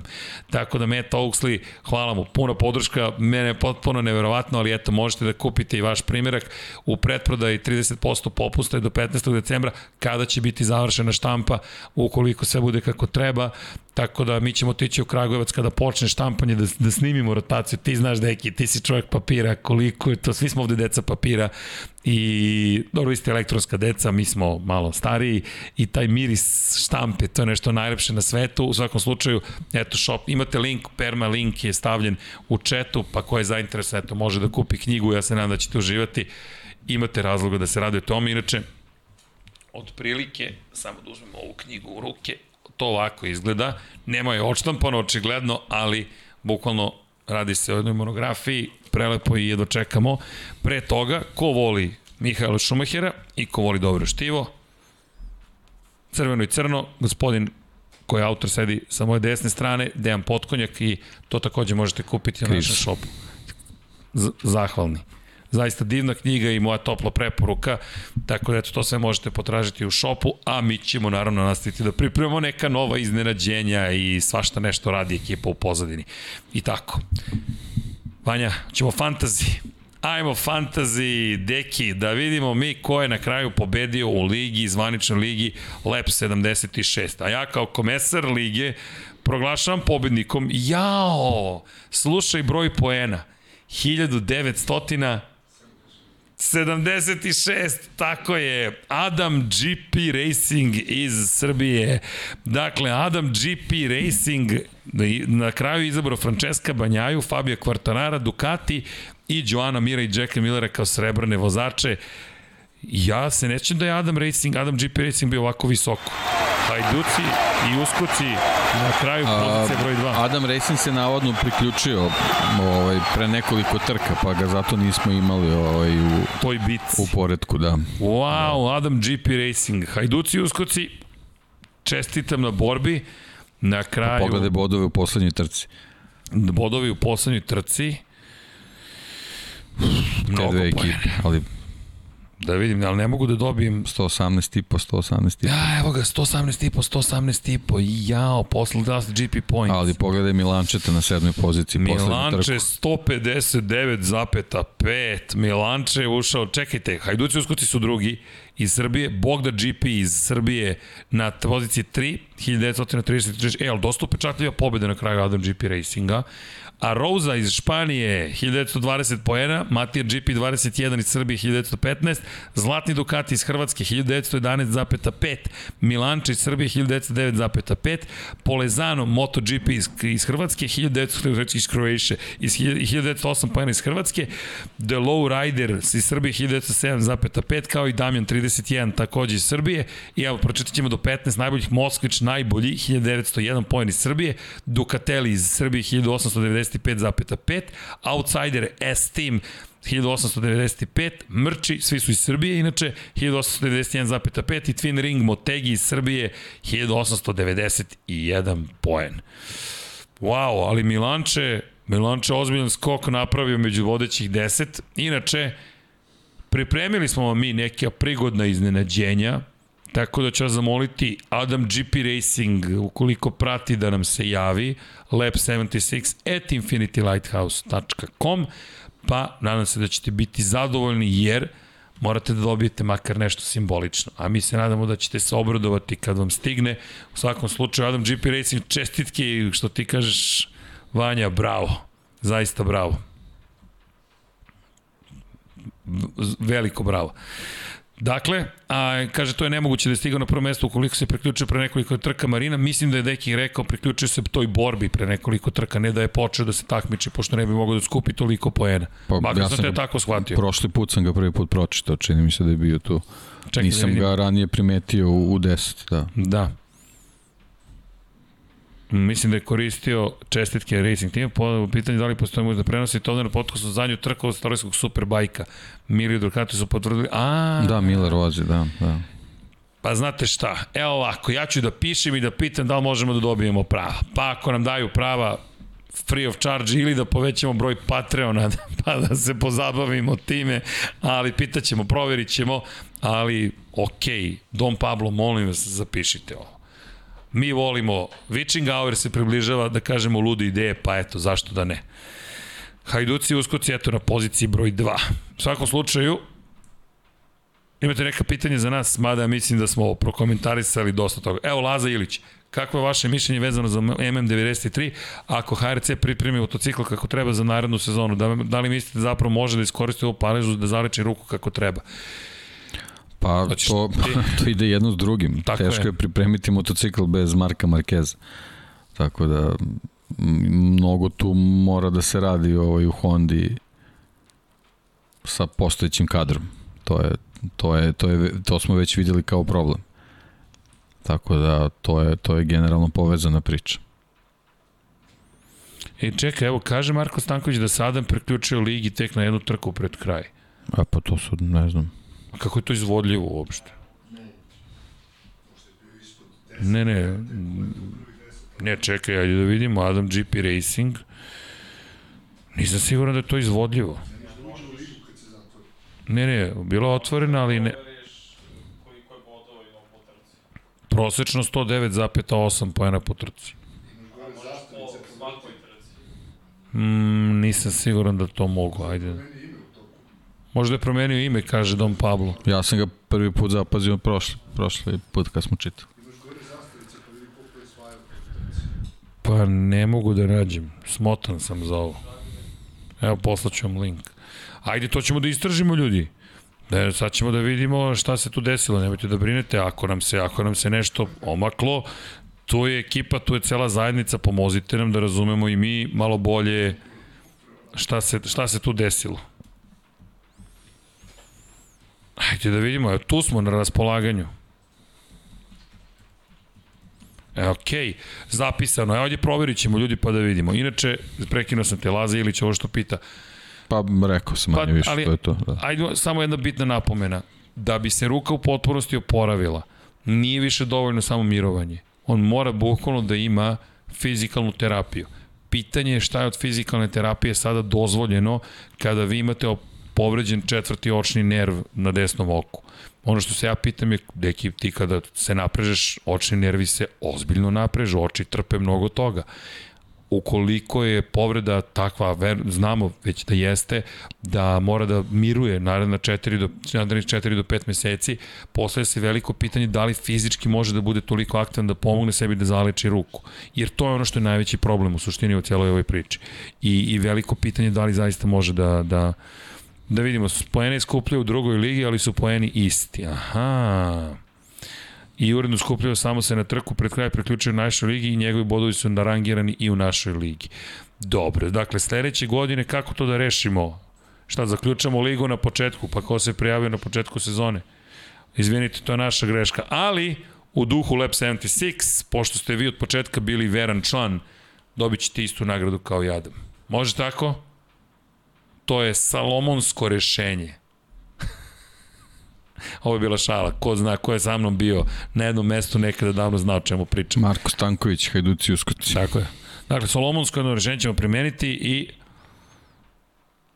ja se nadam da ste zadovoljni time. Eto. Ima još neko neko pitanje? Analogni sat na stolu vam je još uvek na letnjem računanju vremena. Biće rešeno. Ali digitalni nije. Ali digitalni, digitalni se promerio, pro, pomerio istog sekunda. Ajmo ovako. Pomerio ga Dejan dakle, istog koliko sekunda. Koliko je sati tačno? 23.42. I prvi put u istoriji studija na kraju Verzova idemo unazad kroz vreme. Idemo unazad kroz vreme. Idemo unazad kroz vreme. Idemo unazad kroz vreme. Idemo unazad kroz vreme. I deki, Moto3 kategorija, tu smo bili stali, šta se dešavalo u Valenciji? Ha, ha, kad smo se već vratili kroz vreme. Eto, nadam se da je sada sve sređeno. Eto, pošto je bilo politika na račun Marka Markeza da mogu da se oglasi povodom odlaska Rossi u penziju, da li Rossi mogu da se oglasi povodom povrede MM, pošto se skoro ceo MotoGP oglasio. A Nemanja, čujte Pa dobro, to je sad to prepucavanje. To je, to je, to je bukvalno to. Ali, ali prosto to je, Dek je sve rekao u suštini. Zašto ja mislim da da je mogao da se oglasi Mark Marquez više zbog toga što je to sada sport u pitanju, ali čujte, u pravu ste, mogu je da se oglasi i Valentino Rossi. Nisu, ali idemo dalje, šta da radimo. A, Hajduci i Uskoci People's Champion. Pitanje mišljenja o tome šta je McLaren odbio pri pripajanji sa Audi Porsche grupom i Dekijev komentar za Brazil. Pa ne znam, ne moramo sad formula. Pa, koji ti je komentar? Ajmo kratko, Pa ne može kratko. Ne može kratko. Pa ne može kratko. Formula 1 je postala zahtevna. Prilično zahtevna, ali sredit ćemo to. Pratite nas u utorak. Koji je to datum? 23. 23. 21. su trke. I eto, dobit ćete i više od komentara zašto biće i Katar na programu. Evo za tebe, Deki Andrić ima Kako? jedno pitanje. Da. Za tebe, Deki Andrić, ima jedno da. pitanje. Koje je najveće razočarenje u 2021. godini vozače tim, a ko, ko te najviše pozitivno iznenadio? Najviše pozitivno lako, Remy Gardner. Apsolutno. Za mene ubedljivo najveće iznenađenje i najprijatnije iznenađenje. Najveće razočaranje najveće razočaranje meni na Keca i Alex Rins. Bukvalno imamo isto mišljenje. Još jednom poručite. Isto.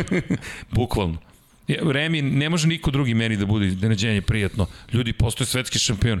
Deki, da me sad vratiš u nazad da kažeš, hoće Remi Gardner biti šampion, ja bih ti rekao čemu pričaš. Od, odakle ti ideja da će Remi Gardner da zabeleži više od jedne pobede. To je bilo moje viđenje stvari. Baš sam pogrešio. I Tečko je najviše iznenadio i fantastičan je bio. Zaista fantastičan. Zašto mi Baldasari nije? Zato što je Baldasari već bio u padu. Od Rinsa sam očekivao zdrav prav na šampionskom motociklu da će biti bolji. Dobro, to sad imamo. Treba, ima. Jorge Martin, ne znam. Ima, ima. Ali, eto, jedno Bastianini, pitanje. mislim, ali, ali Remi se izdvaja zato što svoju titulu. Jeste. To je, Remi se zaista. Izdiže iznad ostalih. Češ još jedno pitanje, si raspoložen? No, pa, ja, kad ja nisam... Da li za sledeću godinu ostaju iste smeše pneumatike kao ove godine, da li će KTM uspesti konačno da provali tu gumu u 22. To niko ne zna, ljudi. To niko ne zna, zato što mi imamo sa Mišelinom ozbiljne probleme iz, iz jedne perspektive. Imamo goste večeras. Dobro veče. Dobro veče. Dobro veče. Ja sam sad zbunjen. Neočekivani gosti su stigli. Okej. Okay. Ne znam ni ko su stigli, sve stigli ko je.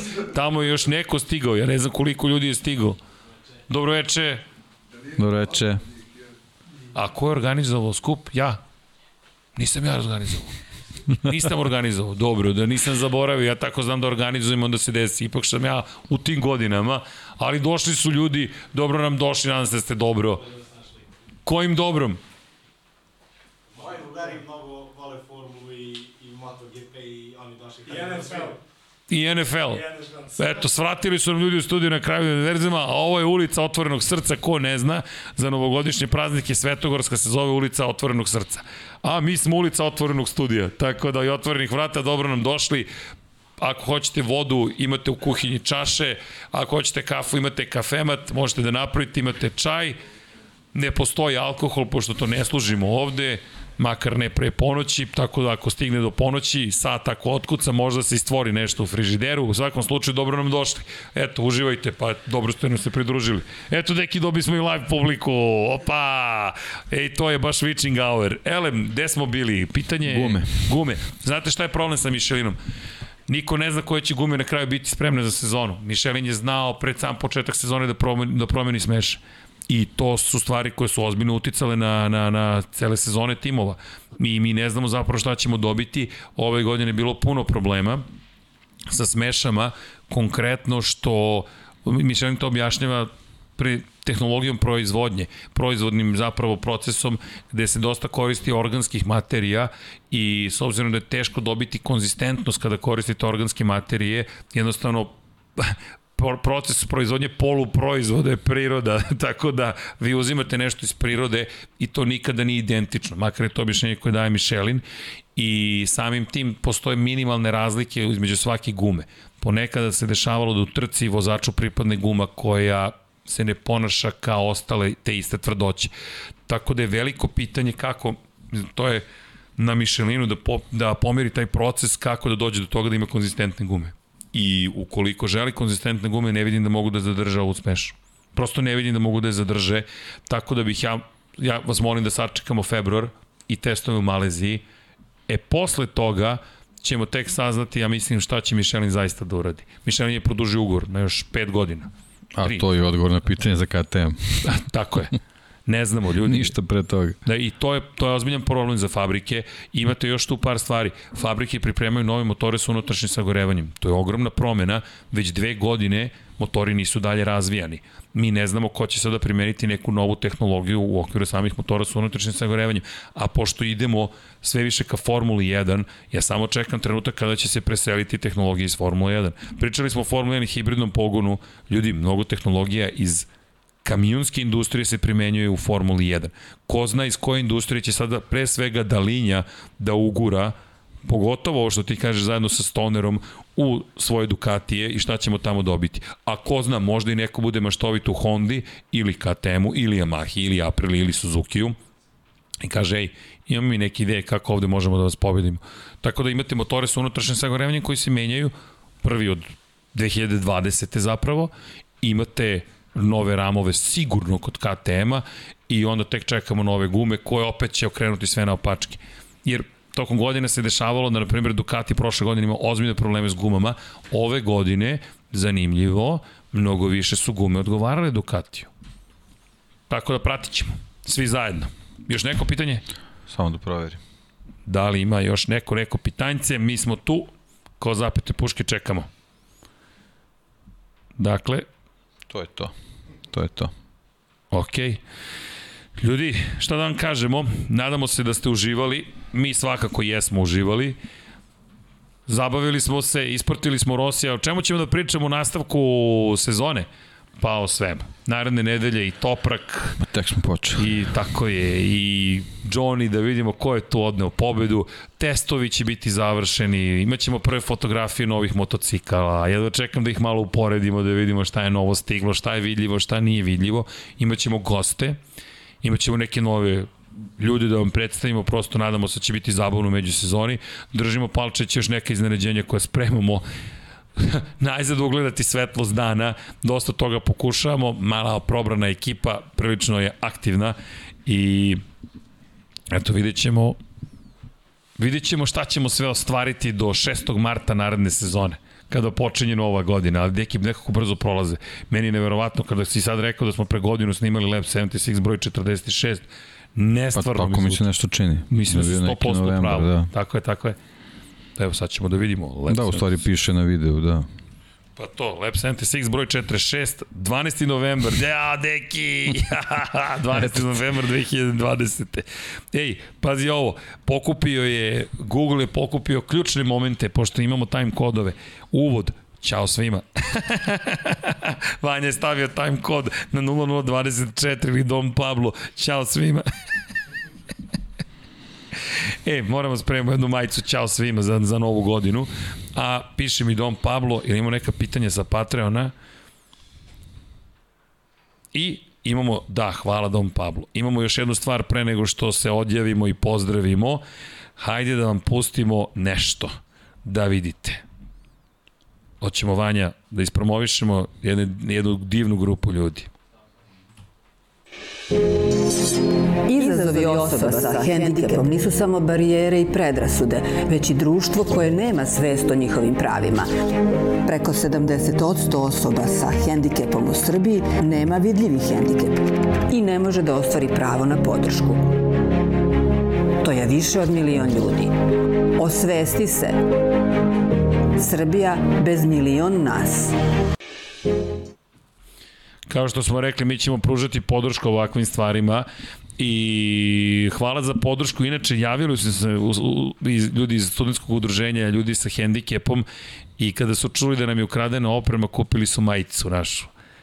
Ja nemam reči, to je toliko dirljivo, hvala vam na tome predivni ljudi, inače zaista milijon ljudi zvanično u Srbiji samo, gde god da živite, verujem da je slična situacija, ima neku vrstu hendikepa. Često se misli da je hendikep nešto vidljivo, nešto očigledno, neka fizička povreda ili problem ili nešto što vas putava, anksioznost se smatra hendikepom. Dakle, pritisci kojima su ljudi u modernom svetu izloženi su ogromni, često su pocenjeni, notifikacije, telefonski pozivi, i reklame, komunikacija na previše mesta dovodi do toga da ponekad se pitate wow, da li ću ikad imati 5 minuta nasamo, u rečima Pantere 5 minutes alone. I između ostalog i to su stvari koje mogu da izazovu hendikep, tako da da povedemo računa jedni u drugima, lepo kaže osvesti se, nadam se da smo mi dosta svesni, ali trudit ćemo se da podižemo svesti o tome još više. Inače, momci, nisam stigla da se obrijem, ali to je zato što dok ja dođem do Brkova, prođe pola meseca, ali obrijaću se i kažu dobro mi stoji brada, možda, ali mene to sve toliko svrbi da ja kada čekam Brkove, imaćemo jednu Hatfield ovoj varijantu, jedno sedam dana, onda ćemo da skinemo to čisto da mi bude lakše, ali eto, Movembar je, puštaju se Brkovi, zašto? Zato što se borimo protiv raka testisa, momci idite prekontrolišite se, ovde vidim jednu ekipu koja eto zato što je došla pre ponoći sada kaže da će sigurno tići da se prekontroliše da bude sigurno da je zdrava. Jel može? E, to imamo podršku, zašto? Zato što to treba da uradite, vaši dragi, voljeni, bližni ljudi su željni vas i potrebni s tim, tako da eto, devojke prekontrolišite dojke, to su ozbiljne stvari, rak dojke nije, nije bezazlena stvar i prethodnog mesta smo pričali o tome, ali Junkie lepo rekao da se priča 12 meseci, tako da ćemo se mi potruditi oko toga i naravno podizat ćemo svest o ovim stvarima, prosto mi imamo neku sreću da radimo stvari koje volimo, zabavljamo se, napravili smo studiju Rekana vezama, Nama je silno zabavno, evo, dođu ljudi odjednom u pola noći i ja sam mislio nešto dugujemo nekome. Došli neka tri velika čoveka i kažu dobro veče. Ali nije srećan, došli su da se druže, tako da je sve u redu. O, a mi, šta sad da vam kažemo? Dakle, želim da vam poželim laku noć, Dom Pablo je već otišao, negde nestao u daljini i mi mu držimo palčeve da će, rekao je ja odoh pre ponoći pa vi vidite šta ćete da radite, tako da držite palčeve da je lepo zaspao čovek, a počeo da vežba inače, tako da smanjuje težinu, ali u svakom slučaju ostatak ekipe je tu i da ubrzamo pre ponoći da završimo, da pokušamo deki pre ponoći. Želimo vam lepu i mirnu noć. Vodite računa jedni drugima, vozite računa jedni drugima, mazite se i pazite se, udrite like, udrite subscribe i naravno besumočno ćemo promovisati par stvari. Ko voli Mihajla Šumahira, crveno i crno, 776 dinara, shop ekskluzivno na shopu Infinity Lighthouse-a, autor Dejan Potkonjak, tu je. Došli ste da kupite knjigu, pretpostavljam da vam potpiše Deki. Već smo kupili ali nije potpisana, zato ste došli. da, pod, šalim se naravno, ali potražite našu najnoviju knjigu izdanje Infinity Lighthouse Valentino Rossi, sve moje trke, monografija 336 strana koja će izaći 15. decembra u predprodaju imate popust od 30%, 46, 76 je cena, inače čisto da znate najniža cena koju smo mi našli globalno, 75 dolara je na Amazonu na engleskom, tako da smo se potrudili, hvala na podršci svima koji su učestvovali u projektu, a Mi vam želimo naravno da uživate i da i dalje pratite Lab 76, Infinity Lighthouse 99 yardi, Cosmos 76 i naravno da budete dobri, veseli. Pošaljite za kraj jednu poruku na 917 na 3030 ili Human 917 455 ukoliko ste u Švajcarskoj pa da pomognemo Branku. Branko još nije prešao 50%, ja mislim da će misija biti da Branku skupimo preostalih 10.000 evra nekako, pa da pomognemo jednom dečku da ima bolji život u budućnosti i da sačuvamo njegov vid što je više moguće. Ljudi, mi vas molimo, Čika Srđa vas pozdravlja, moj novi nadimak za radu usvojen i želim vam sve najlepše. Pratite trke u nedelju, budite sa nama i uživajte i naravno, čao svima. Ćao svima.